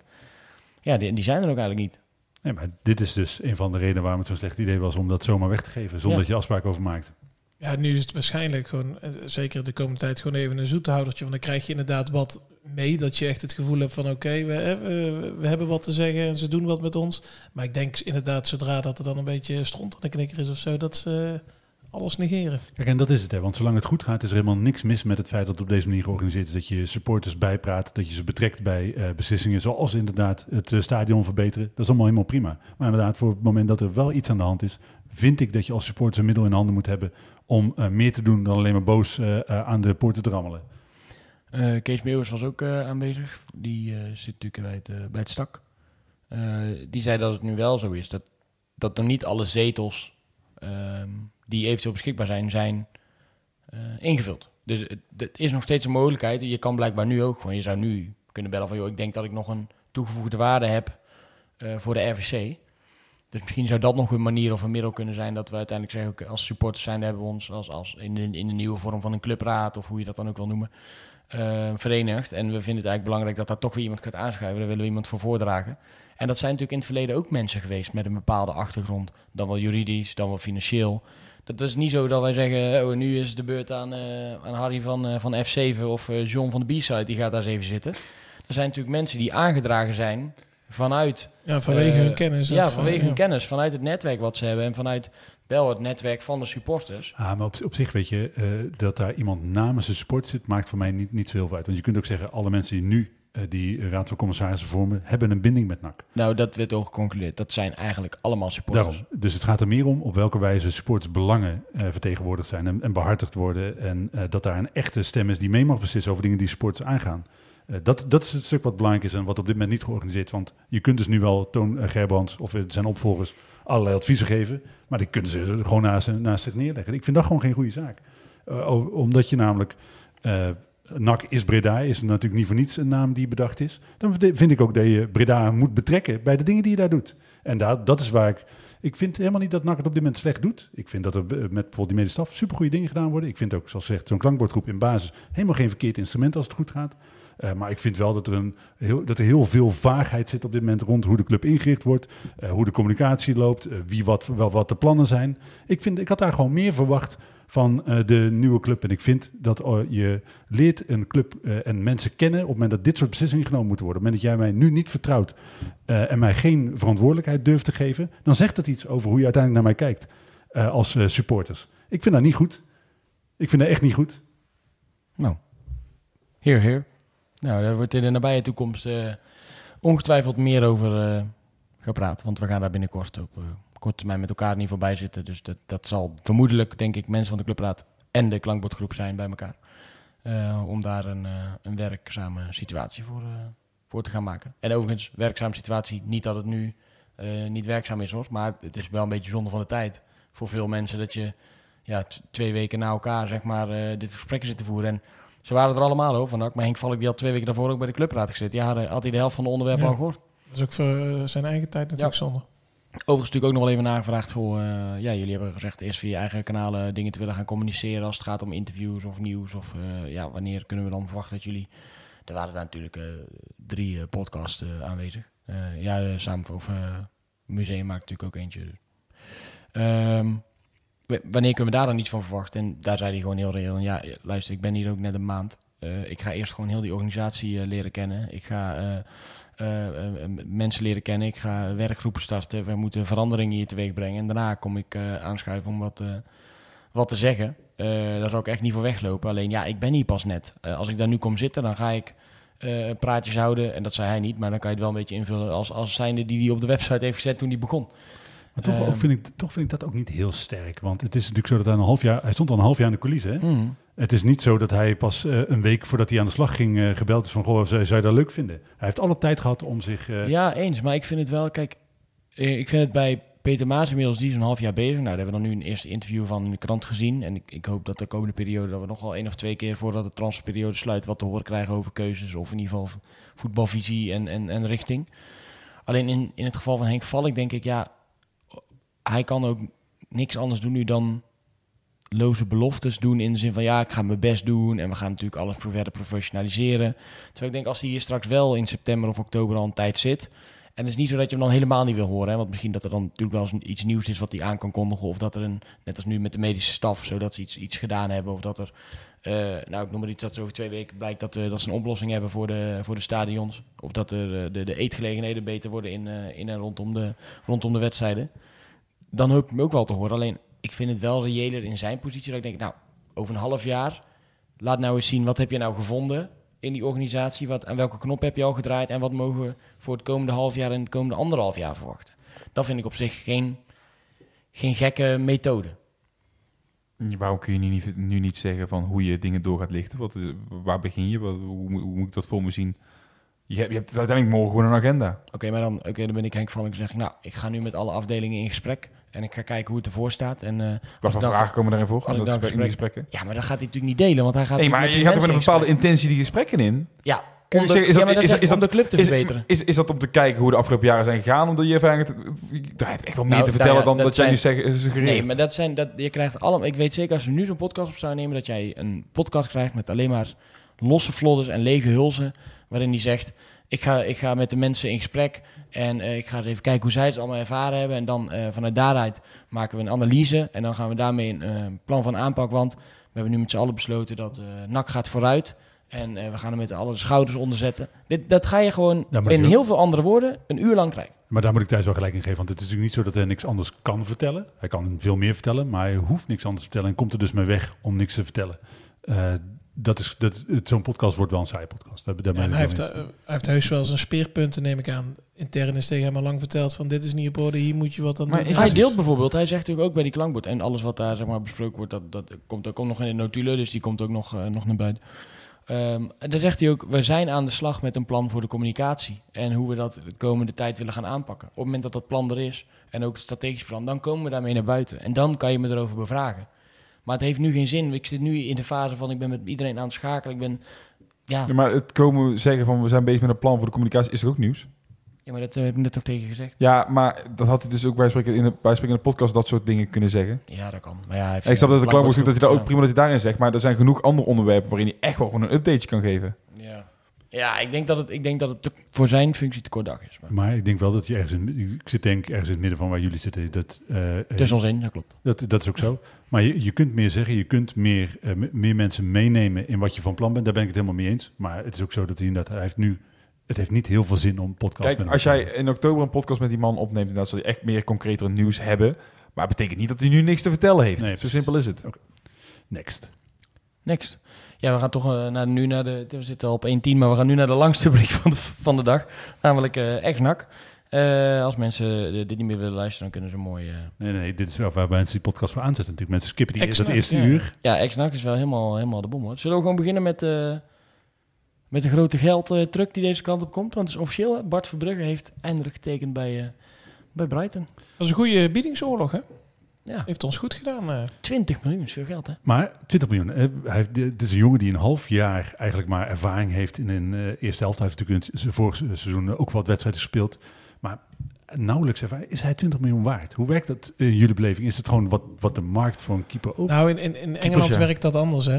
Ook. Die kijken ook echt wel naar potenties. En, en zij, zij denken van, nou, als hij bij ons twee jaar keept, dan verkopen wij hem weer voor 40 miljoen, denken ze. Dus, dus dat levert wel. Zij kunnen ook een keeper nemen van 28, die ongeveer net zo goed is, maar dat levert nooit meer wat op. En het is lastig. Hij ehm, heeft natuurlijk ja, net een seizoen, nog niet eens een heel seizoen gekiept bij Anderlecht. Maar als, je, als ik hem die wedstrijden bij Jong Oranje zie keepen, waarin heel zo'n elftal eigenlijk best wel faalt, eh, is het niet op het veld, dan wel naast het veld. Want Kenneth Taylor bijvoorbeeld, die speelde best wel goed. Maar als je dan geen interviews wil geven, dan denk ik, ja, ben nou weer mee bezig. En dan hoe rustig hij daar stond en hoe belangrijk moment hij ballen aan het pakken was. Ja, dat heeft hij ook bij Anderlecht natuurlijk ook wel gedaan. Daar heeft hij ook echt indruk gemaakt. En vorig jaar al blijkbaar, want toen wilde Compagnie, Compagnie hem al meenemen.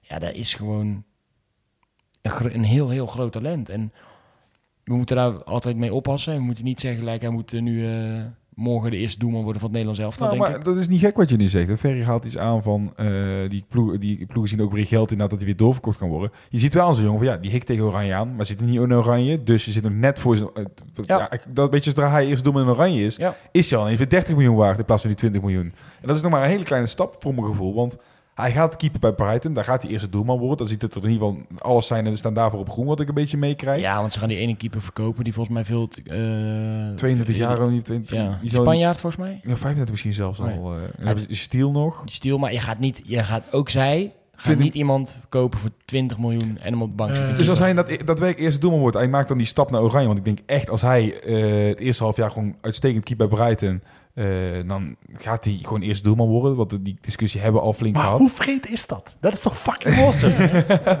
Maar ja, dat, dan kan je ze wel, dat dan, als daarna United nog een keer zou komen, inderdaad, ja, dan vragen ze ineens al 40 miljoen Ja, voor. en andersom, want dat, dat risico hebben we natuurlijk ook. Hè. Eh, Hij gaat nu keeper, hij is nog relatief jong. Nou, stel dat hij, eh, dat hij er een keer of vier naast zit, hè, dat, dan verkopen ze hem weer voor 5 miljoen aan Ajax of zo. Dan nemen ze ook gewoon de verliezen, die Engelse clubs. Dus dat is... eh, dus het Ik kan, las het dat, kan echt twee eh, kanten op. Ik las het verhaal over Brighton. Dat is wel echt bizar hoor. Hoe die club door de jaren heen nu gegroeid is. En een paar keer van eigenaar gewisseld. En hoe snel zij omhoog zijn geklommen. Ze zijn, een x aantal jaar geleden hadden zij gewoon niet eens meer een eigen stadion. Dat was gewoon verkocht. Toen hebben ze in de, in de lower leagues hebben ze gewoon om en om gespeeld met een, eh, met een ploeg. Maar, eh, eh, la- laat dit zeg maar een voorbeeld voor ons zijn. Hè? Dat we over een jaar of vijf eh, de een meeste stadion deden stadion deden met het... meeste keeper van Engeland kopen. Dat, eh, ja, ja. Ja, Maar dat zie je ook wel met eh, toen ze Van Hekken namen. Van, dat was helemaal nog niet algemeen bekend. Dat Van Hekken, wij vonden die wel goed. Maar, eh, maar zij hebben dus die scouting systeem echt wel goed op orde. Dat ze relatief, voor relatief weinig geld kunnen ze echt wel eh, goede spelers halen die ze met winst kunnen gaan verkopen. Ja, maar dus kan het zomaar zijn hè, dat we volgend jaar twee eh, ex- ex-nakkers op zondagochtend, ik kijk altijd op zondagochtend terug namelijk, bij Match of the Day zien. Eh, dat, ik vind dat toch wel heel gaaf. Ik vind Ja, dat echt heel ja, leuk. Als die tenminste blijft. Want de Turkse kwaliteitsgranten die jij vandaag doorstuurde... die zeggen dat Van Hekken een zekerheid wordt bij eh, ja. Galatasaray. Ja? Ja, Heksenketeltje. maar dat, voor de mensen die niet heel goed ingevoed zijn in Turkse boulevardkranten, die beweren een keer of 25 per dag iets anders. Ja. Eh, elke speler met, een, ja, die met voetbalschoenen wordt gelinkt aan eh, sp- clubs daar. Dus de kans dat dat doorgaat is niet super groot. Maar eh, Ik heb er ook wel eens in gestaan, dus... eh, precies, Ja, zo, ja. A- als, als het doorgaat zou het natuurlijk wel een mooie stap zijn, Galatasaray. Ja, maar de- ik vond Nee. vooral die kop was echt prachtig. wel Ze, zeiden van, eh, als, deze verdediger vertrekt, dan komt Van Hekken. Ja, precies. Zo gaat het. Oh, ja. Oh, oké, nou dan weten we dat in ieder geval. Dan weet, hij ook, weet die jongen ook waar die aan toe is. En hij is een avondje nak gewend, hè, dus eh, Precies. die kan er wel aarden. ik durf te stellen dat wij hier aan tafel heel weinig voetbalkennis hebben. Oh, Nou, ik ben Maar- het daar toch helemaal niet mee eens. Maar had, hebben wij het nou compleet verkeerd gezien bij Thijs Veldhuis? of hebben, kunnen we nou met elkaar concluderen dat wij dat of verkeerd gezien hebben of, of, of Sparta het nu verkeerd ziet? ik heb meer vertrouwen in jullie dan in Sparta. Ja. Ja, het is, eh, ik- dat zou ik normaal gesproken ook hebben. Waar het niet dat ik Gerard eh, Nijkamp wel een goede TD vind.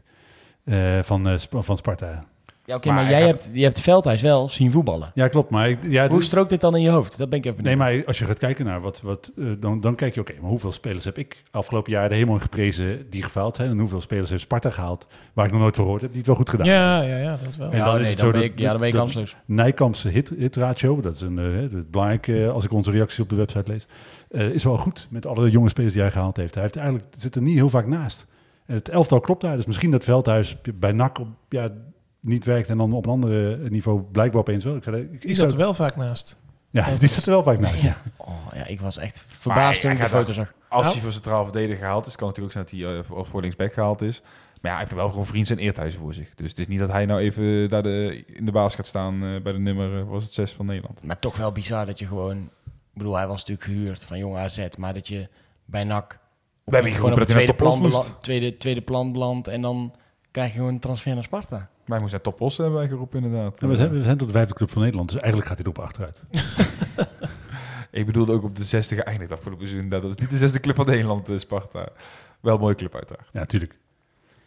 Mike van Bijnen heeft ook een nieuwe club. FCM.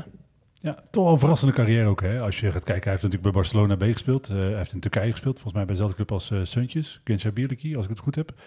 Eh, Ik vind gespeeld wel een groot woord. Oké, goed. Fortuna. Fortuna zit dat in. het- hij heeft ook wel Eredivisie dus een paar minuutjes gemaakt. eh, de afgelopen jaar Den Bosch. Eh, als ik het goed heb. Of heeft in ieder geval Den Bosch verhuurd. Afgelopen jaar denk ik, geen idee waar hij gezeten heeft. Misschien wel gewoon op de bank bij Heeft hij gespeeld bij. Den Bosch veel? Ja, zeker. Eh, dus voor hem een leuke transfer. Maar eh, hij is volgens mij inmiddels ook alweer 24. Eh, het gaat niet heel hard met zijn carrière. Goeie zaakwaarnemer, dacht Ja. ik. Ja, Ali natuurlijk toch? echt- nog nooit iets zo dik erbovenop gelegen als toen Mike van Bijnen naar Barcelona Ja. Stage mocht lopen een, eh, een jaar. Dat is natuurlijk fantastisch geweest voor die jongen, maar het was wel een beetje doorzichtig, zo maar te zeggen. Bij Frenkie de Jong achterop, toch? Ja, ik denk uiteindelijk maakt het natuurlijk geen hol uit. Hè, want hij kan straks eh, tegen zijn kleinkinderen zeggen... Dit eh, shirt van Barcelona, daar heb ik niet in de fanshoop gekocht. Nee, en kijk, nu, en nu gaat hij bij naar Emmen, stel dat het niks wordt. Nou, hij kan met dit cv kan hij nog, nog twee jaar naar Wit-Rusland en dan nog een jaartje Moldavië. En dan, Ja, eh, ja, ja. dan is hij ook Absoluut. 33 straks. Adjepong. Ja, want het is niet helemaal Wit-Rusland, wel in de buurt. Eh, Estland. Bij een-? Ja. Adjepong. hij heeft, ik heb het opgezocht. Volgens mij april 2022 eh, eh, zijn laatste wedstrijd gespeeld. Dus echt al een jaar helemaal niks gedaan. Maar nu naar de nummer 6 geloof ik van de Est... ja, ik, ik weet niet precies hoe die competitie heet. Ook de, de club is me ontschoten, want ik had Paime is volgens mij het enige wat ik onthouden. Maar de tweede weet ik niet precies hoe, hoe het Ik uitspreekt. kan even voor je kijken, maar Graag. ik weet niet of we daar heel... eh, Nee, maar dat eh, een club waar ik nooit van gehoord heb. En eh, ja, hij wordt dan toch, dat is altijd grappig. Hè? Hij wordt dan, eh, eh, wat, wat jij over Van Bijnen zegt, is voor hem natuurlijk ook waar. Hij heeft bij Manchester City geen minuut gespeeld. Maar toch, ja, jarenlang. in- Ex-Manchester City. ja, ja, ja, en dan toch Ghanese International. Wat, Wil wel- jij dit proberen? Dat is Paide en dan eh, Lina Meeskont. Ja, P- Paide Lina Meeskont. Ik, eh, Met zijn ik- Ja. ja. ja, ik dacht eerst dat het, de- dat het de algemeen directeur iets was, maar het is namelijk de club. Je het ook nog proberen? Dat is toch een stukje carrièreplanning van die jongen. toch bij de leraar aan tafel, even kijken wat... eh. Ja, bij de Lina Mees komt. komt ja. Wil jij het proberen te spelen? Nee. Droom, droomclub. Ja. Maar ik vond hem niet eens zo slecht hoor, Nee. bij NAC. Nee, maar hij heeft natuurlijk, eh, zijn, zijn lichaam is eigenlijk eh, eh, niet helemaal geschikt, lijkt het, voor, voor eh, eh, profvoetbal. Want hij heeft zoveel blessures gehad, zoveel pech gehad, want hij heeft natuurlijk wel talent. Hij Toen heeft, in België gewoon, gespeeld ook toch? Lommel. hij heeft ons gewoon mede naar de, naar de Eredivisie Ja. geschoten toen in, eh, bij Almere uit. Ja, dus eh, nee, ik, ik gun het hem wel. eh, leuke jongen. Dus de, je vindt een leuk jongen, maar je gunt hem wel eh, de, de, de competitie. Leg dat maar eens uit, uh, Levine. Karel Niemczynski, nog eh, transfervrij.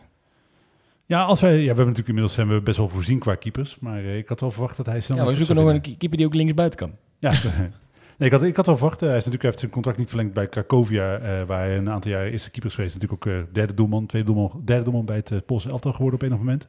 Dus hij heeft wat talent, hij heeft ook een goede leeftijd, maar eh, nog geen nieuwe club. De kleine. Ja. Ja, ja, als je zo lang daar eerste doelman en best wel een goede indruk gemaakt, zelfs Posse nationaal team gaat, dan zou je verwachten dat er wel ergens een contract klaar zou liggen als je dan nee zegt tegen een lange verblijf daar. Maar, Ja, maar je je ziet bij Verlanas, eh, als we ze toch in rap tempo afgaan, eh, hoe lastig het is om een nieuwe club te vinden. Hè? En die heeft in principe ook een eh, eh, cv waar je best wel wat eh, deuren mee open zou moeten kunnen krijgen. Zal ik Nee. jullie zo'n leuk verhaal vertellen daarover? Ja, leuk verhaal. Pak even mijn telefoon erbij. Hoor. Oké. Eh we Adrie Poldervaart is een goede vriend van mij. Op een of andere manier. Nou, ja. App- ik app met Adrie. Wel leuk voor hem trouwens dat hij een nieuwe club heeft. eh, nadat, na zijn, Oh, ik heb eh, dat even gemist. Fortuna gaat hij weer bij eh, Buis samenwerken. Oh, als assistent dan? Ja. Oh ja. mooi om te Dus, zien dat hij dus is. ik zeg tegen Adrie, gefeliciteerd met je nieuwe baan. Hè. Hopelijk wordt het su- een succes. Maar toen eh, ging hij antwoorden en toen had ik al best wat bier op van het weekend. en toen vroeg hij aan mij, wat vind jij van Verlanas? Dus ja, uiteindelijk zeg ik dat hij eh, op zich wel redelijk voetbal is, maar wel eh, vrij Je, je, timide je, voor citeert, zichzelf. je citeert nu niet, toch? Wel. Eh, wil je dat ik het voorlees? Nou ja, ik ben, ik ben benieuwd wat, wat jij na 24 bieren over Vlaanderen Ik zeg, als het voor Fortuna is, wel een aanwinst. Rustig jongen die wel levert. Kan wel onzichtbaar zijn en voor zijn eigen statistiek spelen. Zou middenmoot eredivisie net wel aan kunnen, denk ik. Dan zegt hij, oké, dank je. Arbeidsethos, vraagteken. En toen dacht ik dat hij niet zo heel hoog was. Teerde ben ook vooral op zijn kwaliteiten, maar ik weet niet hoe het op een hoger niveau is.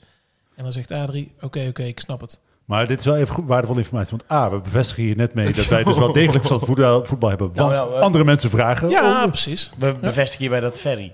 Wij Ja, maar worden nooit gevraagd. Wij worden nooit gevraagd. Nee, nee, nee, maar dat is prima. Je moet je gewoon, eh, Ja. by association. Ja. Hebben wij ook verstand van Ja. voetbal? Wij bij het Tikkie, tikkie naar het Zuiden hebben voetbalverstand in deze podcast. Maar dat, dat, dat suggereert toch wel dat, dat Fortuna op zijn minst, zeg maar... is Nou, gekeken heeft. Ja. Precies. En, en ik dacht eigenlijk dat dat gewoon al in kan en kruiken was met Sparta. Ja. Nee, eh, nee, ik heb dat echt nog inderdaad. Ik ben bij Sparta tegen Utrecht toen geweest in de play-offs. Ik denk, nou, ik zal eens even wat mensen rondvragen. Maar dat is in februari ergens een vaag gerucht geweest. Maar al die eh, clubwatchers die, eh, die zeiden van, we zijn er achteraan gegaan, maar nooit echt iets gevonden. Om Ik ben toch wel blij dat ons scoutingsapparaat zeg maar, iets anders is ingericht dan, tenminste, ik bedoel niet verkeerd, maar eens heb. Dat zouden ze nou eens wat meer moeten doen. denk ik. Ja, Ik, ik kan zo iemand naar een Estse club helpen. Ja, dat is echt Zo geregeld. het zou wel Maar bij de. Ja, precies. Maar het zou wel verklaren waarom eh eh, Velanas eh, de Franse tweede divisie, Grenoble Voet, had hem een aanbod gedaan, dat hij die afgewezen heeft. Dat doe je normaal gesproken alleen als je wel andere opties in het vuur hebt. Ja, Zeker. Dat hoop ik wel. Bij Fortuna betalen ze goed. Trainer van eh, Rangers, Niet- eh jou als nog een ze app betalen. gestuurd? Nee, nee, nee, nee. Maar ik ga Cyril wel een appje sturen, hoor, dat hij nog kaart apart gaat leggen. Ja. Want, eh, dat is een mooie ja. overstap. Ja, misschien kunnen we ruilen.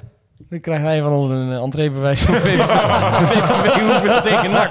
Dan kunnen wij naar, de- naar de Rangers. Maar als jullie, want we hebben natuurlijk eh, dan zo dadelijk eh, een eh, spits bij zowel Celtic als eh eh, Rangers gehad. We hebben natuurlijk, uh, Vietmar eh, heeft ook eh, bij eh, Rangers gespeeld. Ik heb altijd meer met de Rangers dan met Celtic gehad. Hoe zit het bij jullie? Ik, ben, ik ben wel Celtic, hoor. Ik vind het lastig omdat de tijd dat ik echt voetbal ging volgen, werd Rangers dus volgens mij ook wel echt de, toen teruggeplaatst, een beetje rond die periode. Dus dan heb je er wat minder van die rivaliteit wel meegekregen. Natuurlijk wel vanuit vroeger, eh, van vroeger uit. Ik vind het vooral heel mooi dat ze allebei weer op het hoogste niveau terug zijn gekeerd. Ehm, en nu zal ik dan ongetwijfeld iets meer zwak krijgen voor Rangers, omdat daar Cyril Dessers straks in de, in de spits staat. Misschien wel met eh, Sam Lammers. Ja, die, is, eh, die hebben ze al binnen. Oh, top. Ik ben twee keer naar de Old Firm geweest. Aan Celtic kant. Dus ja, dan, dan kun je eigenlijk ook niet meer, eh, kun je niet meer terug, zeg maar. En Twee keer verloren, dus kon ik maar wel terug, dacht ik toen. Maar- Ja.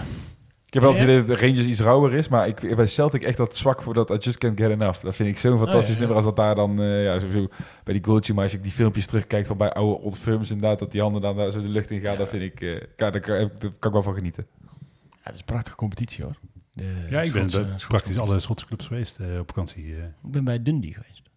Was wel, eh, was ook. United de of derby. eh, FC? Eh, United. Is dat eh, geel-rood? Nee, oranje-zwart. dat zijn eh die Arabs, is de United. En blauw-wit is de FC. Oh nee, dat was ik denk ik. Ik ben naar die onderlinge wedstrijd geweest, dat was ook goed. Elkaar aan de straat, hè? Tof. Ja, ja. Ja, mooie... Die wedstrijd was waarschijnlijk niet goed, maar de sfeer wel. Nee, dus veel, ja, ik kan me niet heel Hey, veel ik kan een lekker, pa van die lekker paaitje eten in de rust. Toen was ik met Sydney vanochtend trouwens. Oh. Die, eh, Oh. die waren er toen ook. Eh, Pablo Mari is vertrokken bij eh, Arsenal en heeft al gelijk een nieuwe club gevonden. Oh, echt? AC Monza. Ja, Oh, dat blijft hij dus. Ja. Ja, dus Leuk. hij eh, mag, daar, eh, mag daar blijven. Hij ook het eh, nodige meegemaakt eh, het afgelopen half jaar. is ook betrokken bij die, eh, bij die steekpartij toen in... eh, En in Berlusconi Italië. die eh overleden is. Ja. Dat is Oh, van ja. Monza? Ja, Ja, ja, ja, ja. zeker. Dus eh, ondanks dat blijft hij, eh, blijft hij daar toch. Eh, denk ik dat we er... eh, nou, Nicolai, die, ja, dat moet ik, moeten we nog een keer sorry tegen zeggen. Want die heeft hier ooit nog een keer het spelersklassement gewonnen. Sorry zeg, ik eh, mij eens te, binnen trouwens. Ik moet, wij moeten iets rectificeren. Schouten? Ja, daar, daar, gaat het wel, eh, daar gaat het wel naartoe, maar ehm, ik eh, sta vandaag dus te wachten op Zundert. Ja. En eh, ik doe het ik de hele tijd dat wel goed dat jij zegt, ik moet iets goed praten. Maar, eh, dus ik kom naar buiten en... eh, Nu is het overigens wel jij, hè? Ja, de- Nee, ik, wil, ik, wil ik gerust hier alles mijn verantwoordelijkheid erin nemen, want het komt Nee. goed. Eh, dus Hiballa komt erbij. Hij zo, eh, Pizza Threads, leugenaars site, leugenaars site. Ik ga trouwens niet meer zeggen, ik ga het niet proberen, want het staat helemaal nergens op. Leugenaars site, leugenaars site. Ik zeg, wat krijgen we nou? Ja, ik heb helemaal niet gesproken met eh Robin Schout. Ik zo, Peter, ik weet 100% zeker, jij hebt gesproken met eh Robin Schout. Nee, ik heb niet gesproken. Nou, zo ging dat nog even drie minuten door.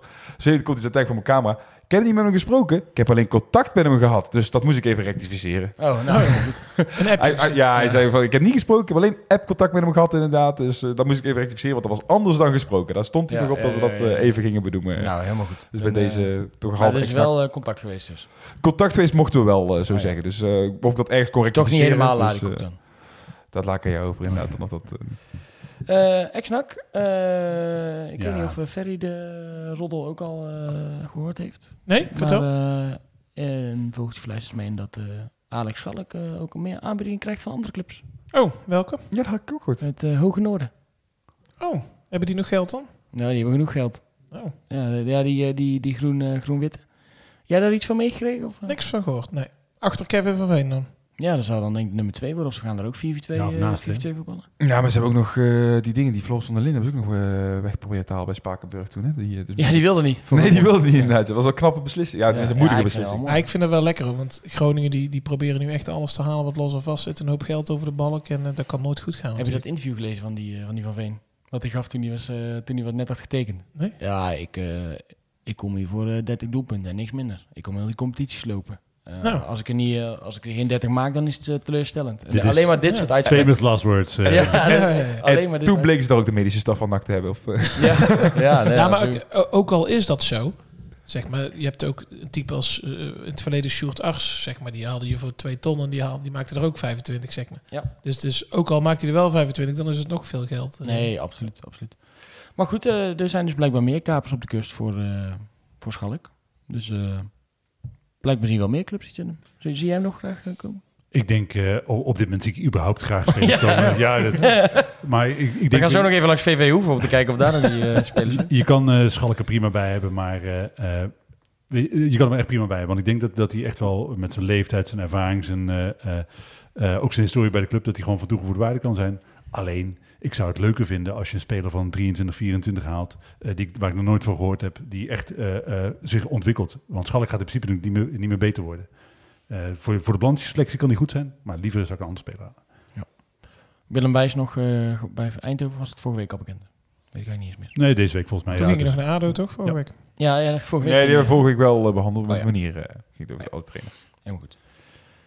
Dan zijn we er doorheen. Ja, Lucas Schoofs nog maar. De hoeft niet per se. Naar Lommel. Oh, ja. dat is toch ook weer raar? Ja. Dat is nou Lommel, die stond er gewoon uh, basis bij Heracles. Ja. Ja. Ah, dat is eh, goed. Een soort eh, verschuren 2, zeg maar. Ja, zoiets. Dus, eh, Ik vind overigens wel, nu, nu, nu valt Lommel dan even, eh, die, die verhalen die nu naar buiten komen over eh, bijvoorbeeld een eh, Toulouse, eh, die dezelfde eigenaar heeft als AC Milan, dat ze nu mogelijk eh, buiten het eh, Europa League toernooi worden gehouden, ondanks dat ze de beker hebben gewonnen.